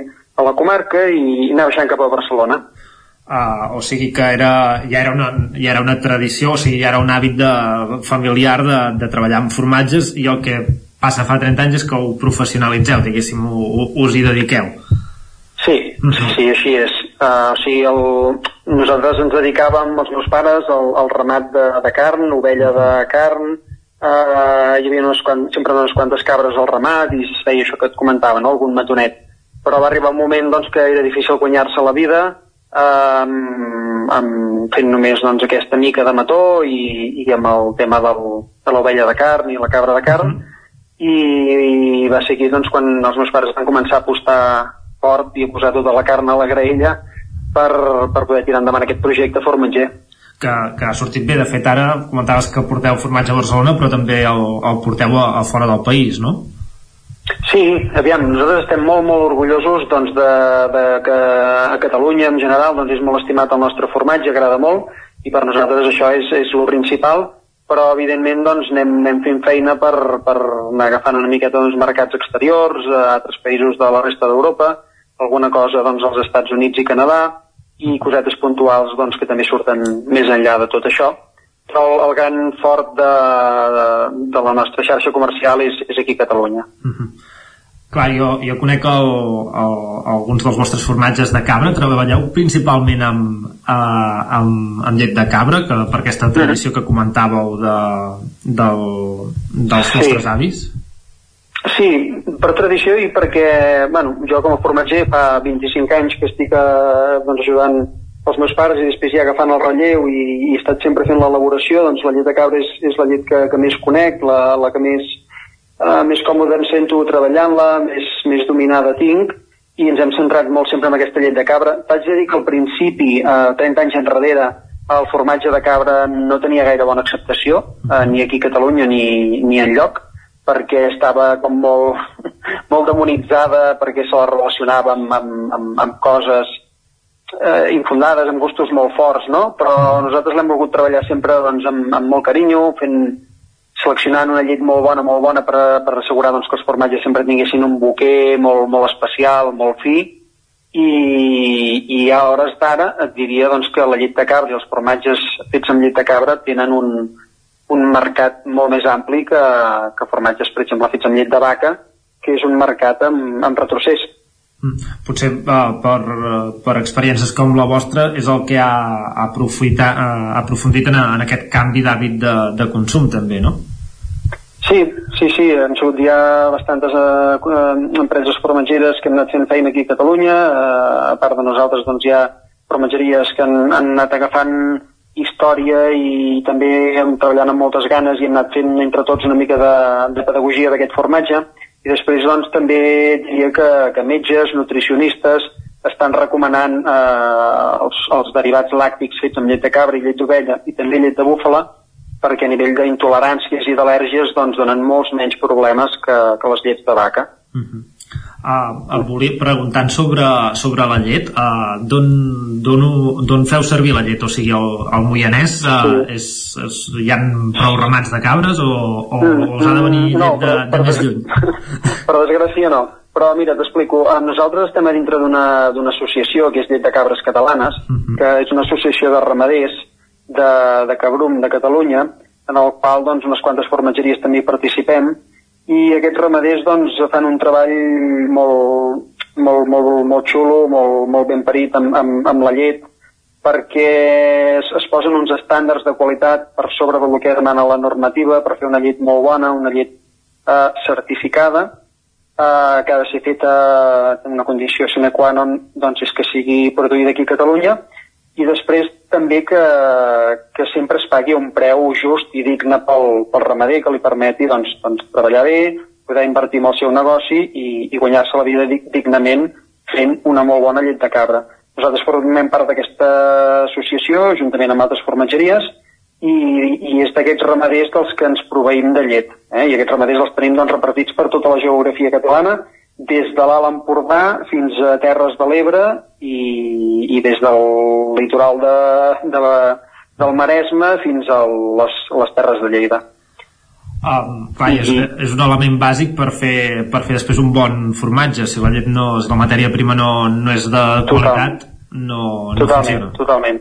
Sí, perquè un, un formatge és una cosa viva, és una cosa natural, eh, on, on el formatger senzillament doncs, hi fa uns treballs i afegeix uns, unes bactèries làctiques, uns, uns llevats, uns, uns fongs que anirà agafant durant la maduració, però és un producte viu que, que d'origen ha de vindre molt, molt bé, ha de vindre molt, molt net, molt ben treballat, per després poder, poder nosaltres eh, treure-li el, el, el màxim de profit doncs, a, a totes aquestes qualitats que porta d'origen.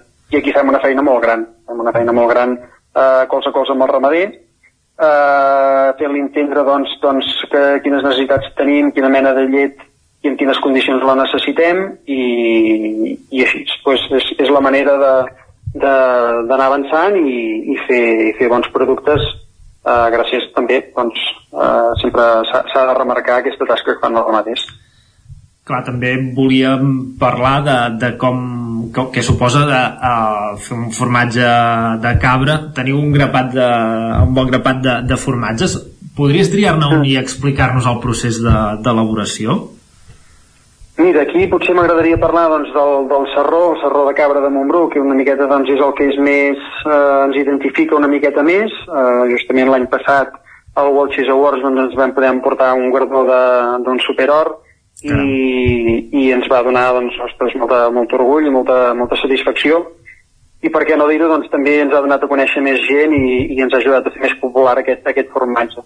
Uh, aquest formatge és, com et deia, d'una d'una llet molt bona, una llet molt ben treballada, eh, a la pròpia ramaderia, la recollim ben fresca, la treballem de seguida que arriba a la formatgeria i després és un formatge que, que sempre ho dic, eh, però, però penso que és molt important, és un formatge que necessita moltes mans, eh, té un procés d'elaboració molt manual, eh, l'escorregut el fem a mà utilitzant el, el drap, el drap que posem al motlle, on fem un nus per donar-li aquesta forma de serró i de, i de per escórrer i treure el, el suero que, que pot quedar dintre de la quallada. Um, no només el faig jo, sinó que el fem doncs, eh, tot, tota la gent que m'ajuda a l'obrador, que són, són autèntics professionals també del, del formatge que porten molt temps amb mi elaborant, i això és indispensable, perquè és un formatge que necessita que qui l'està fent hi posi el, els cinc sentits. És, és perquè... totalment arte artesanal, aquest Sí, procés. sí, després aquest formatge doncs, li fem el seu procés de salat amb una salmorra, eh, encara amb, amb aquest drap, aquest drap de cotó que porta lligat, i passats un parell de dies doncs, el deslligem, li retirem el drap de cotó, i a partir d'aquí doncs, anem el procés de maduració, que s'allargarà aproximadament unes sis setmanes, i durant aquest temps doncs, anem fent uns, uns voltejats eh, dia sí, dia no, és a dir, cada dos dies aquest formatge se li fa una, una rotació perquè vagi madurant igualment de bé per tots els costats i el que fem és un fregat del fong. És un formatge que madura en, fong, en fongs naturals, però periòdicament amb les mans doncs, hem d'anar aixafant aquest fong per, per mantindre'l amb, amb la quantitat justa i necessària, però que no que no n'hi hagi més del compte. Eh? I després, doncs, quan el tenim ja a punt i madurat, eh, ja fem, el que fem és, és el lliguem amb una cinta, li posem l'etiqueta i el tenim a punt per, per portar-lo a casa del client i que arribi al, al consumidor. De quant temps estem parlant en total? De... de- En total estaríem parlant d'aquestes 6-7 setmanes. 6-7 setmanes. És, és el punt òptim d'aquest formatge. Sí, després, eh, doncs, eh, a casa del client o a la botiga, doncs, podria estar-hi tranquil·lament eh, dos, tres, quatre, cinc setmanes més, però el punt òptim, jo diria, d'aquest formatge de consumir-lo seria entre les 6, 6 i 10 setmanes. Mm, em sembla que no dura tant, tampoc. No, l'ideal és que no duri tant. Um, jo per, per anar tancant la, la nostra secció sempre pregunto una, una recepta quan parlem de, de, de plats de, de cuina no sé si més que una recepta o amb què acompanyaries un, eh, un formatge de Montbrú com aquest que ens has uh, parlat Aviam, el serró és un tipus de formatge que jo penso que combina bastant amb tot. Eh, L'ideal, el bàsic seria el, el, el bon pa amb tomàquet així torradet, amb un bon oli i, i un bon tomàquet i, i, un, i unes eh, llonses de, unes llesques de formatge a sobre, eh, per menjar-lo sol, eh, amb una amanida. Eh, és, sí que et diria que és un formatge que cuinat no, no treu, no treu el millor de si, penso que sempre és millor menjar-lo amb el natural i, i ja està, i no, no necessita gran cosa més. És un formatge que el pots menjar sol picant abans de dinar o a la posta. Amb un codonyat, amb una fruita. Mm, molt bé, doncs ens ho apuntem i així fem una mica, venir una mica de gana als, als nostres oients. Uh, Oriol, moltes gràcies per, per atendre'ns uh, avui al Territori Sostenible. Moltes gràcies a vosaltres.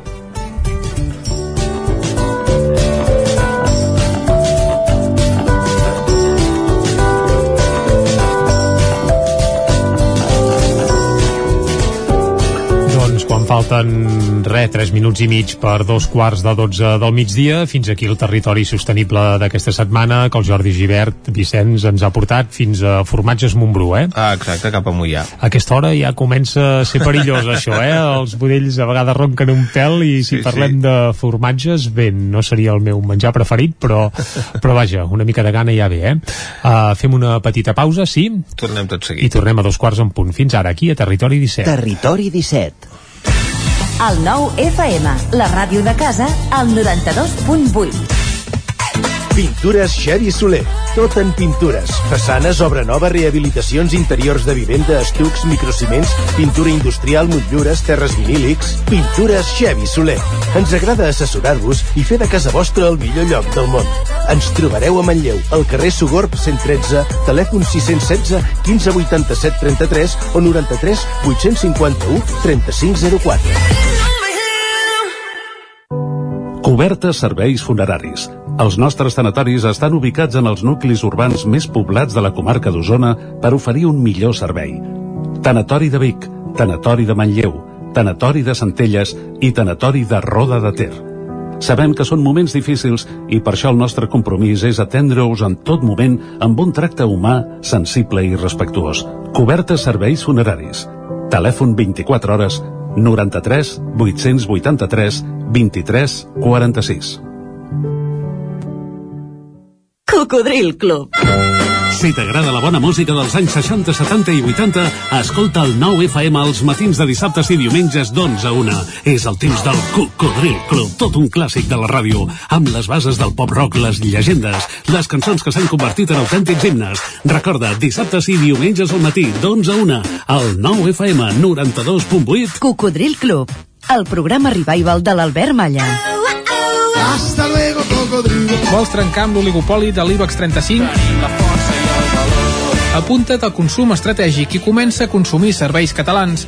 Per això et convidem a omplir el dipòsit a Petrolis Independents. A Osona ens trobaràs al polígon Mas Galí de Vic i a Centelles just després de la sortida sud. Si vols factura, entra a la nostra pàgina web petrolisindependents.cat i dona't d'alta. Comença a ser independent. Tenim la força de l'amor. No em trec la imatge dels nens amb cara de velocitat baixant per la pista vermella. Sí, molt divertit. I quin fred. Uh. Tranquil·la, he deixat l'estufa encesa i, i la casa està calenta. Sempre tenim sort de comptar amb Corretja. Són especialistes en aïllaments i estufes.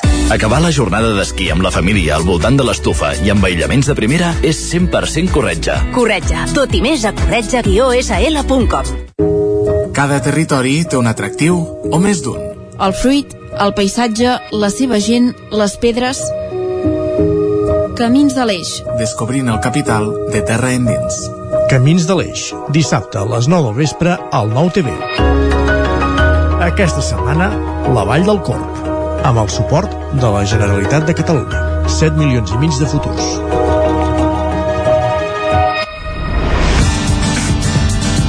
El 9 FM.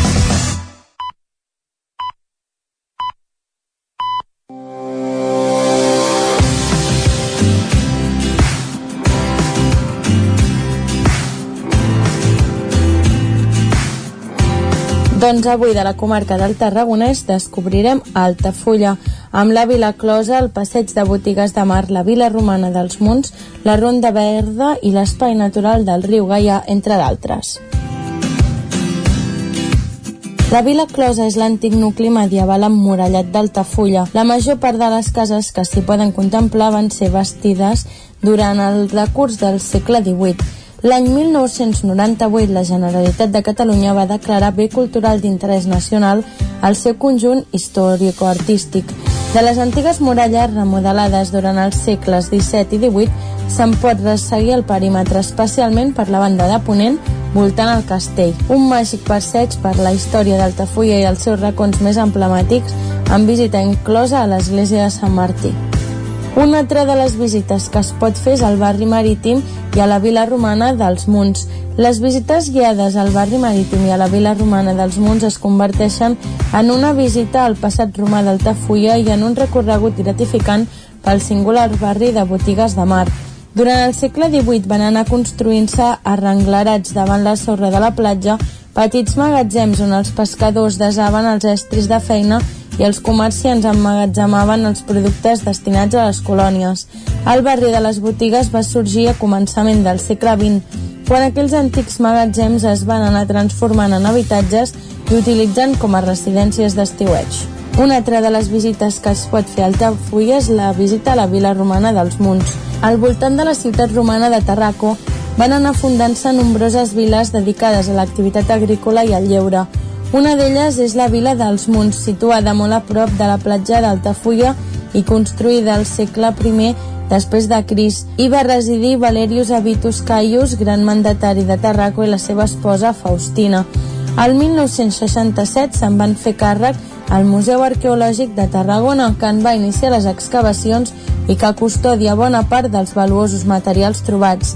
Actualment, el Museu Nacional Arqueològic de Tarragona organitza visites guiades teatralitzades durant l'estiu. La vila romana dels Munts forma part del conjunt arqueològic de la Tarraco romana, que ha estat declarat Patrimoni de la Humanitat per la UNESCO l'any 2000.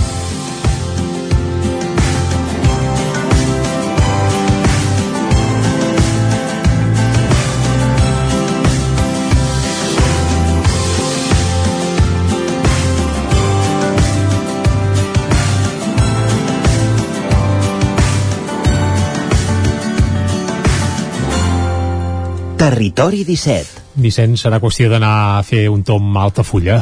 Doncs sí, a més, eh, per veure aquests eh, monuments a aquesta zona s'hi pot anar en tren, a més a més. Uf, quin perill! Bé, si es tracta d'anar a veure, doncs, eh, restes arqueològiques, que millor que anar-hi amb tren. Això també és cert. Amb aquests trens de fum que eh, tenim per aquí i poca cosa més. De tota manera, evidentment, no hi feu cap aquest cap de setmana, perquè estarem de nou confinats a eh, cadascú al seu municipi, uh Mhm. -huh. però aquí al Descobrint Catalunya el que anem fent aquests dies és anar-nos apuntant una llista de llocs on, vaja, on fer visites, ja sigui de cara a Nadal o si no, de cara a la primavera, Exacte. si fa falta. Ara el que podem fer és una desembossada de les pel·lícules que tenim pendents de Uf. mirar i després ja vindrà el moment de poder visitar Catalunya. Quina feinada que se'n gira. En tot cas, el que farem ara és anar a la R3, a la Trenc d'Alba, aviam, aviam què ens hi expliquen avui. Potser ens expliquen com anar a Altafulla i tot, però em sembla que no. Anem-hi? Som-hi. Som-hi. A Tren d'Alba. Cada dia els usuaris de la línia R3 de Rodalies que veuen sortir el sol des d'un vagó ens expliquen les gràcies i les penes del primer comboi que uneix Ripoll i Barcelona. Benvinguts a Tren d'Alba. Doncs avui farem un repàs de com li va anar a la Núria els viatges amb el tren del mes d'octubre. En total, els convois van acumular 3 hores i 13 minuts de retard. Això són 193 minuts de demora en un total de 20 viatges. Per tant, la mitjana és de 9,6 minuts d'endarreriment diari. Una xifra que ja veieu que és força dolenta. Tampoc us sorprèn, m'imagino. La pitjor setmana va ser la del 19 al 23 d'octubre amb 52 minuts de retard, tot i que el pitjor dia va ser el 8 d'octubre, amb 16 minuts de demora. Un contrast increïble amb la puntualitat de l'endemà demà, el 9 d'octubre. La millor setmana va ser la del 13 al 16 d'octubre, però és que només tenia 4 dies i van passar a ser 3 amb la crònica amb 35 minuts de demora. A veure si almenys la crònica de la Núria no ens parla de tant retard avui. Bon dia des de l'R3. Avui el tren ha sortit molt tard, però durant el trajecte s'ha sabut recuperar i hem arribat 9 minuts tard a Torrebaró, que ve a ser ja la normalitat. Bé, jo tenia preparades coses que us volia explicar, però ara us en vull explicar unes altres. Ahir, quan vaig tornar a Vic, la màquina no vaig poder comprar l'abonament mensual nou. He anat allargant amb bitllets devolució i ahir em tocava ja comprar el bitllet nou. Llavors vaig voler-ho fer des de la màquina, però resulta que les han posat tan modernes que ara només pots pagar amb targeta d'aquestes de contactless i la meva no funciona. Vaig anar a la taquilla i sorprenentment hi havia una persona nova, un noi negre, que vaig pensar, ostres, 10 punts per la Renfe, que et contracta el primer negre que he vist jo a l'estació. I la veritat és que vaig pensar que era una bona notícia, però el pobre xaval no s'entrava gaire, era el seu primer dia, suposo jo, i bueno, tardava com 10 minuts un quart per fer cada petició dels, dels usuaris del tren. Quan em va tocar a mi, li vaig demanar que em fes l'abonament i li vaig dir, sobretot amb data de demà, si plau, perquè a la màquina pots posar a partir de quina data. Sí, sí, sí, sí, sí. Doncs quina ha estat la meva sorpresa quan avui he agafat el bitllet per marcar-lo i ja em deia la data d'ahir. Clar, jo he perdut dos viatges amb això. Ara he arribat a Torrebaró, li he dit a la persona d'aquí de, de l'estació i em diu que, clar, que ell no ho pot fer perquè això ho vaig validar a Vic i per tant que m'ho han de fer a Vic. Llavors, ara penso, quan arribi a Vic, si hi ha el mateix noi que no s'entera, doncs pot molt ben ser que no m'ho vulgui canviar o que no sàpiga com fer-ho i m'he quedat sense dos viatges, d'anada i de tornada del dia que m'han descomptat pel morro. A veure, si et compro un bitllet quan acabo d'arribar de Barcelona, si plau, fes-me'l vàlid per l'endemà que t'ho estic demanant. I mira, he perdut ara... Mira, he tingut un disgust perquè m'empipa. O sigui, prou malament que van les coses com per anar regalant viatges pel morro perquè sí, perquè un tio no en sap i no s'ho ha pres i no m'ho ha fet bé. En fi, no ho sé, a veure demà si m'ho arreglen o no. Bueno, si m'ho arreglen aquesta tarda per demà poder aprofitar els viatges o no. En fi, bon dia des de l'R3. una aventura més. Apa, adeu-siau. El problema és la formació de la gent que contracten, que probablement no és prou intensa ni prou bona. Li perdonem perquè és el primer dia, però que es posi les piles i esperem que Renfe millori la formació dels seus treballadors per evitar aquests errors tan comuns. Va, ens retrobem demà i recordeu que ja portem un retard acumulat de 4 hores i 31 minuts des de l'inici d'aquest mes de setembre. Territori 17. Això és com demanar peres a l'home, eh? a vegades... Una bona aventura, efectivament. No només haver de viatjar amb el tren, no? sinó a més a més haver d'agafar el bitllet i que l'empleat de torn doncs, no, no estigui al cas de quina és la demanda de, del viatger en aquest cas. El que dèiem, que demanar segons què, segons qui, és com demanar peres als homes. Bé, uh, no hauria de ser així per això, eh? No, esclar que ara mateix aquests empleats no, no són directament de Renfe, sinó d'una empresa subcontractada, la majoria dels que estan doncs, en aquestes tasques de venda de bitllets a les estacions. Uf, que enrevessat tot, i que sí, complicat sí. tot plegat. Exacte. Esperem que no sigui tan enrevessat ni tan complicat gaudir d'alguna experiència cultural aquest cap de setmana. De fer-ho en directe sí que serà ah, complicat. Ara, ara. Això cal dir-ho perquè teatres, auditoris, eh, diguem que tota l'activitat està suspesa, això avancem abans d'arrencar, però sí que es poden fer activitats com per exemple visitar museus on hi ha exposicions culturals o temporals eh, i segur que alguna altra proposta que coneixerem de seguida a l'agenda cultural del cap de setmana. Anem-hi? Anem-hi. Doncs vinga, arrenquem l'agenda cultural i Vicenç, aquest recorregut pel territori 17 culturalment parlant, per on l'arrenquem? Doncs, si et sembla, anem per Ràdio Cardedeu amb l'Òscar Muñoz que ens farà propostes per aquests propers dies. Recordem que eh, molts centres eh, culturals com museus sí que continuen oberts. Ara bé, si hi ha confinament doncs el cap de setmana només podem anar als museus del nostre terme municipal, això també que quedi clar. Per tant, qui vulgui anar al museu, que aprofiti avui o demà, abans no Bé, entri. Deixa'm dir que es pot fer una cosa, anar a peu al museu del municipi veí. Això en teoria, si fas activitat esportiva o excursions, pots anar fins al municipi veí.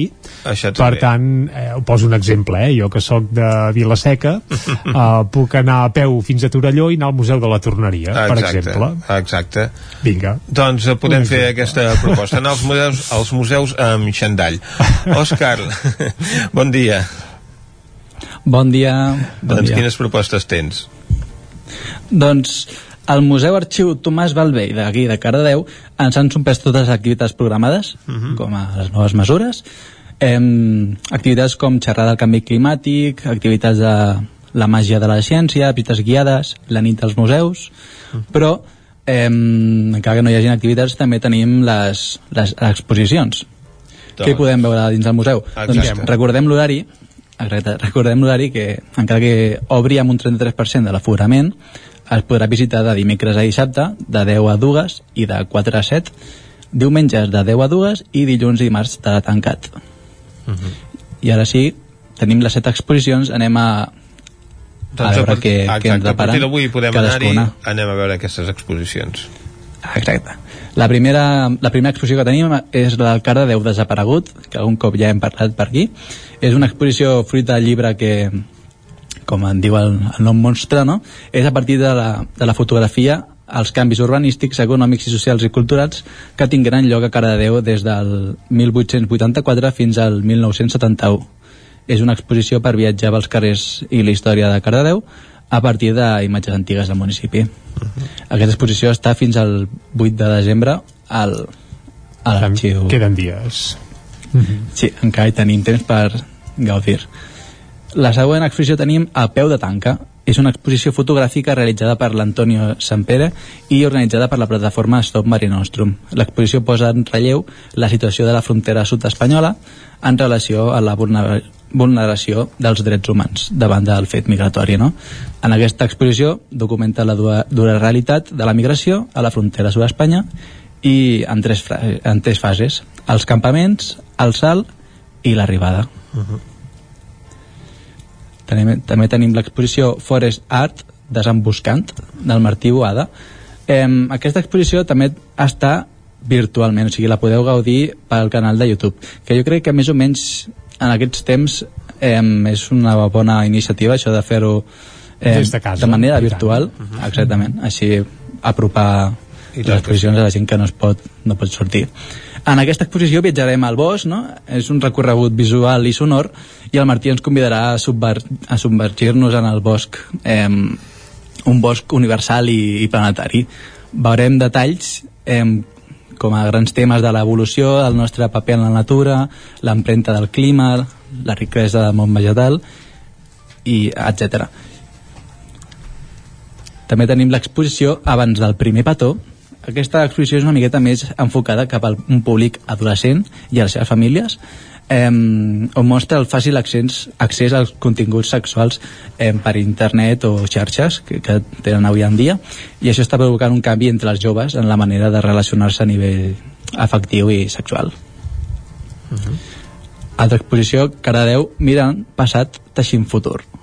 El nou espai d'interpretació vol donar a conèixer el territori i la seva història a partir del patrimoni cultural i natural utilitzant una museografia actual que permet la, la participació activa de, del visitant a partir de l'observació i introduint diferents elements de gamificació al llarg del recorregut. Cardedeu, eh, mirant, pas, mirant passat i teixint el futur, s'estructura a partir de tres, tres àmbits, el territori, el benestar i la salut. Per acabar tenim, bueno, tenim dues més, eh, Tomàs Balvei, col·leccionista, que pretén explicar la faceta eh, humanística d'aquest personatge, així com l'origen i, i el sentit d'unes col·leccions tan variades que podem trobar. Podem trobar col·leccions del món científic, com aparells d'arqueologia, eh, de ciències naturals, també tenim, podem trobar del món quotidià, com col·leccions d'objectes de ceràmica, ús domèstic, indumentària i productes així, de, de l'època.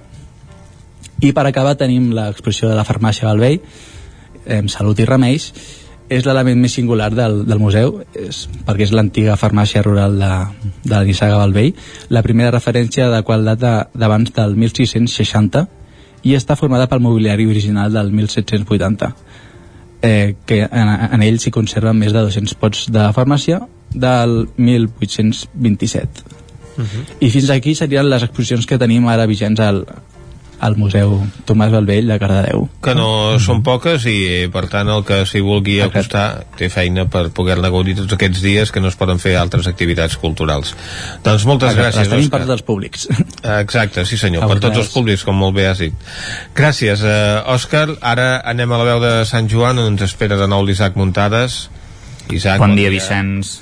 Bon dia. Bon doncs, dia. si us sembla, podem parlar-vos una mica de, del que ha donat de si el, el Terra Gullut Film Festival, que ja, que ja s'ha acabat, i explicar-vos una mica com ha anat, que també és interessant ara que aquestes setmanes doncs, eh, tindrem poques activitats culturals. Uh -huh. eh, per exemple, doncs, aquesta de- edició, el Palmarès, que ha combinat doncs, aquesta edició la presencialitat amb els actes online. Primer de tot, eh, dir-vos que no es va poder fer, com ja sabíem, la gala de, de clausura a la Filmoteca de Catalunya, tal com estava previst, i es va, fer, es va haver de fer en línia per, per a YouTube, i el, i el palmarès de, la, de les principals categories el premi al millor llargmetratge se'l va endur el film Cholitas de Jaime Murciego i Pablo Iraburu mentre que el guardó al millor curtmetratge va ser per Reflejo de Juan Carlos uh, Mostaza també hem de dir que, uh, i felicitats des d'aquí a un company de, del 9-9, el fotoperiodista Marc Senyer, que va guanyar el premi al millor reportatge de fotoperiodisme en pandèmic, que Molt bé. precisament hi ha el,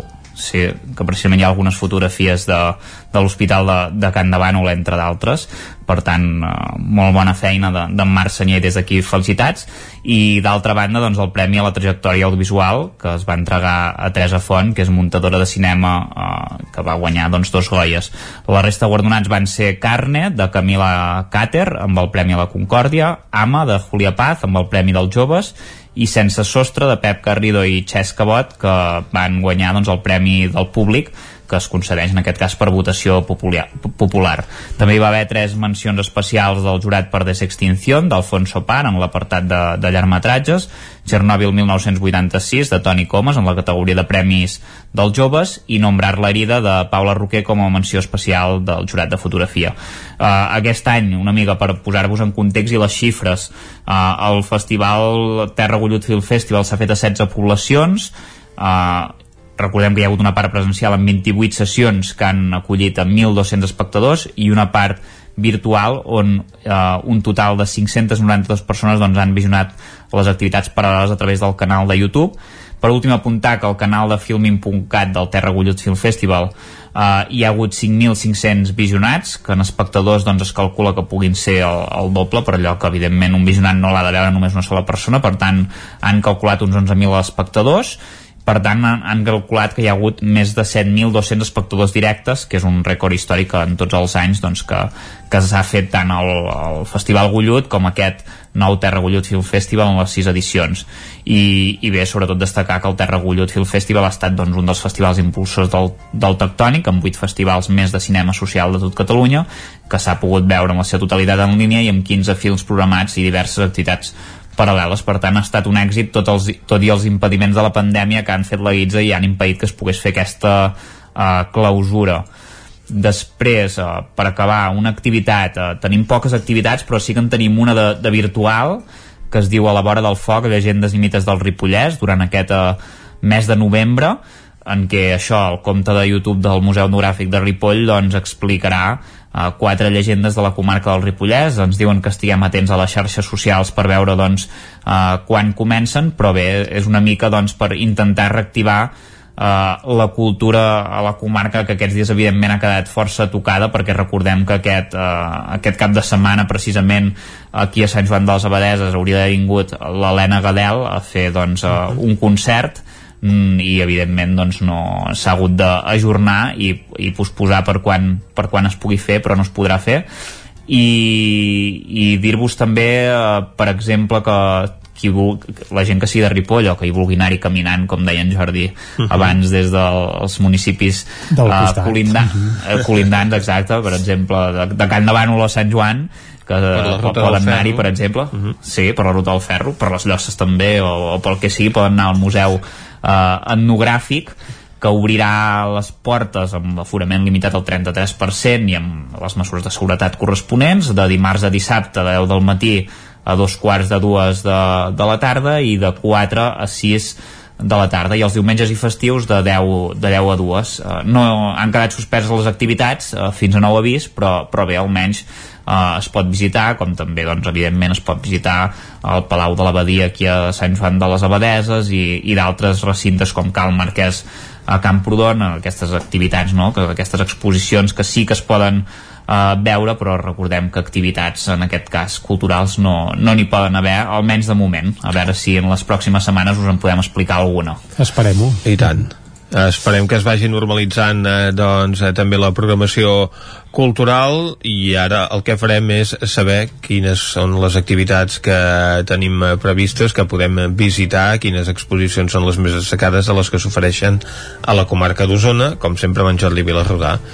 Jordi, en matèria cultural hem quedat una mica eixuts. Mm, quedat del tot eixuts, del tot eixuts. Uh, no hi ha res del que serien les arts escèniques ja ho vam explicar, de moment fins a bé, fins que s'aixequi alguna de les restriccions imposades no hi ha res de tot això bé, i principi potser la setmana ja són exposicions per veure perquè el que continua obert amb, tota, amb totes les possibilitats doncs és, és la, eh, són els museus i les sales d'exposicions exacte Eh, tenim eh, unes quantes exposicions eh, en marxa en aquests moments. Uh mhm. -huh. Comencem, per exemple, per una que destacàvem aquest dilluns a l'edició del 9-9. Parlàvem d'aquesta exposició de l'historiador mm, sobre, vaja, l'historiador Ramon de Badal eh, que es pot veure al Museu Episcopal. Eh, per molts, eh, potser Ramon de Badal és només, si ens hi fixem bé, un d'aquells retrats que pengen allà a la galeria de biguetans il·lustres de l'Ajuntament, uh -huh. però no sabem ben bé què va fer. Eh, Ramon de Badal va ser la persona que va impulsar els estudis de la història medieval a Catalunya.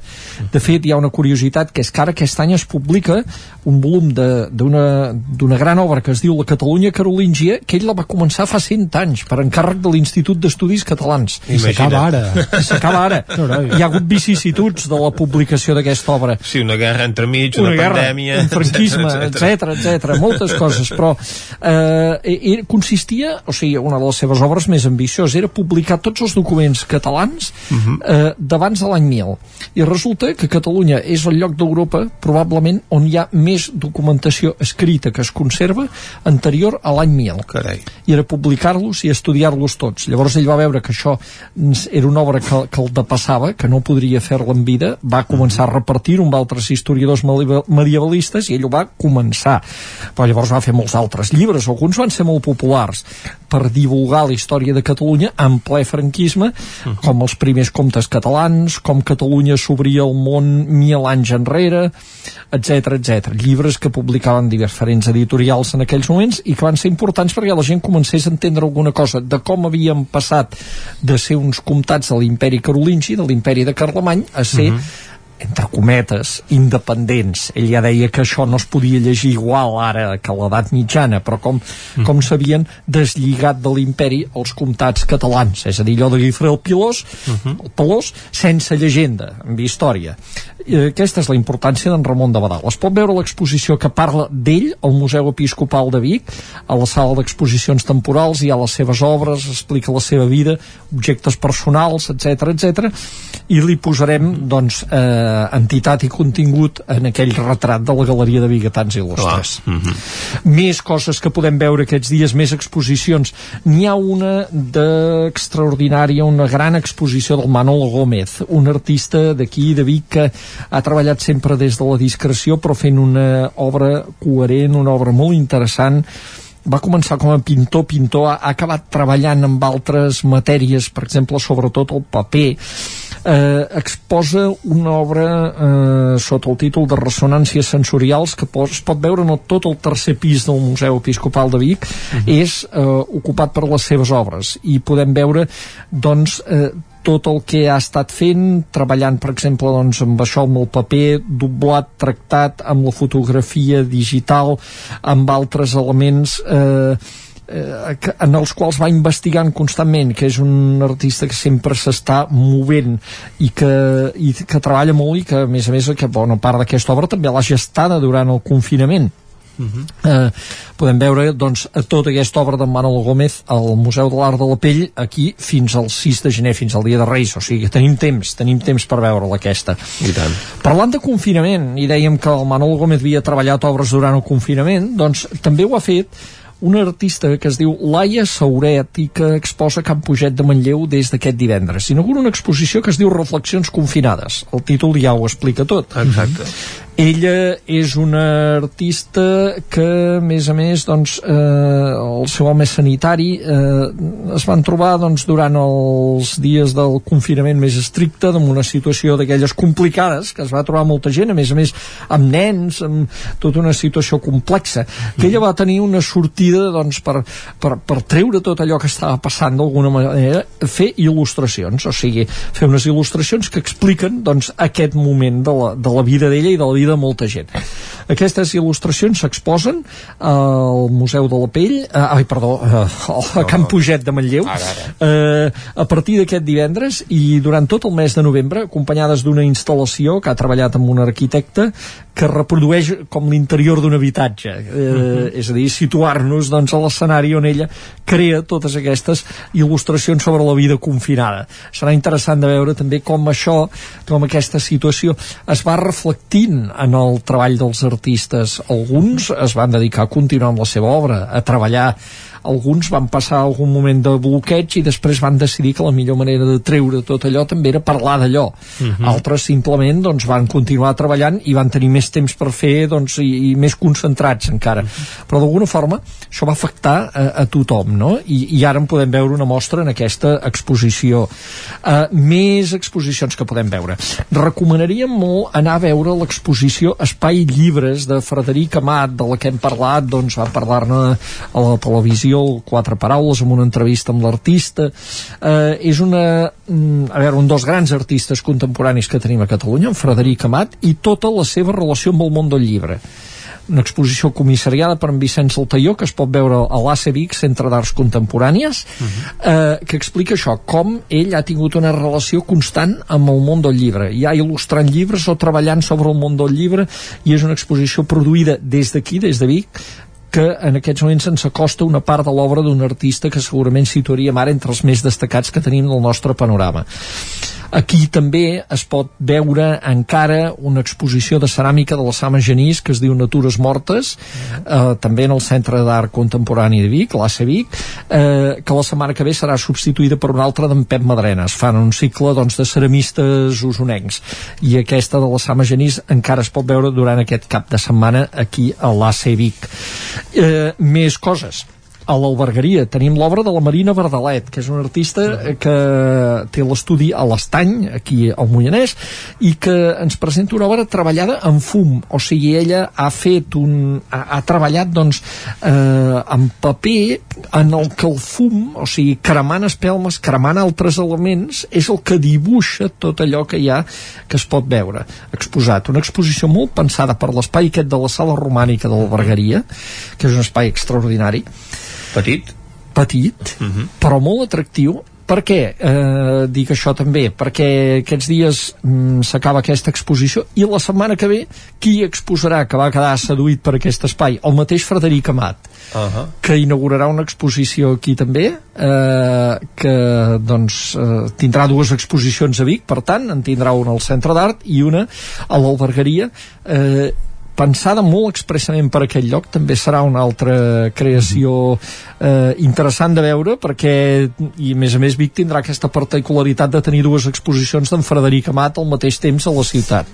Doncs... això és l'oferta cultural que tenim en aquests moments però no, en tenim, ser, no en tenim pas poca per no, ser un cap de setmana sense activitat a teatres i auditoris, déu nhi la mà de feina que podem gira. recórrer unes quantes exposicions eh? podem sí. recórrer unes quantes exposicions aquests dies doncs vinga, mentre les recorrem o pensem a quina anem el que hem de fer, Vicenç, és acomiadar-nos eh? exacte, acomiadar aquest territori 17 d'avui que hem fet Clàudia Dinarès, David Auladell, Isaac Muntades Gemma Permanyer, Pepa Costa Jordi Givert, Isaac Moreno Dolors Altarriba, Miquel R, Núria Lázaro, Òscar Muñoz, Jordi Vilarrodà, Jordi Sunyer i Vicenç Vigues. Nosaltres tornem demà. Salut i adeu. Territori 17 un magazín del nou FM. La veu de Sant Joan, Ona Codinenca i Ràdio Cardedeu amb el suport de la xarxa. El nou FM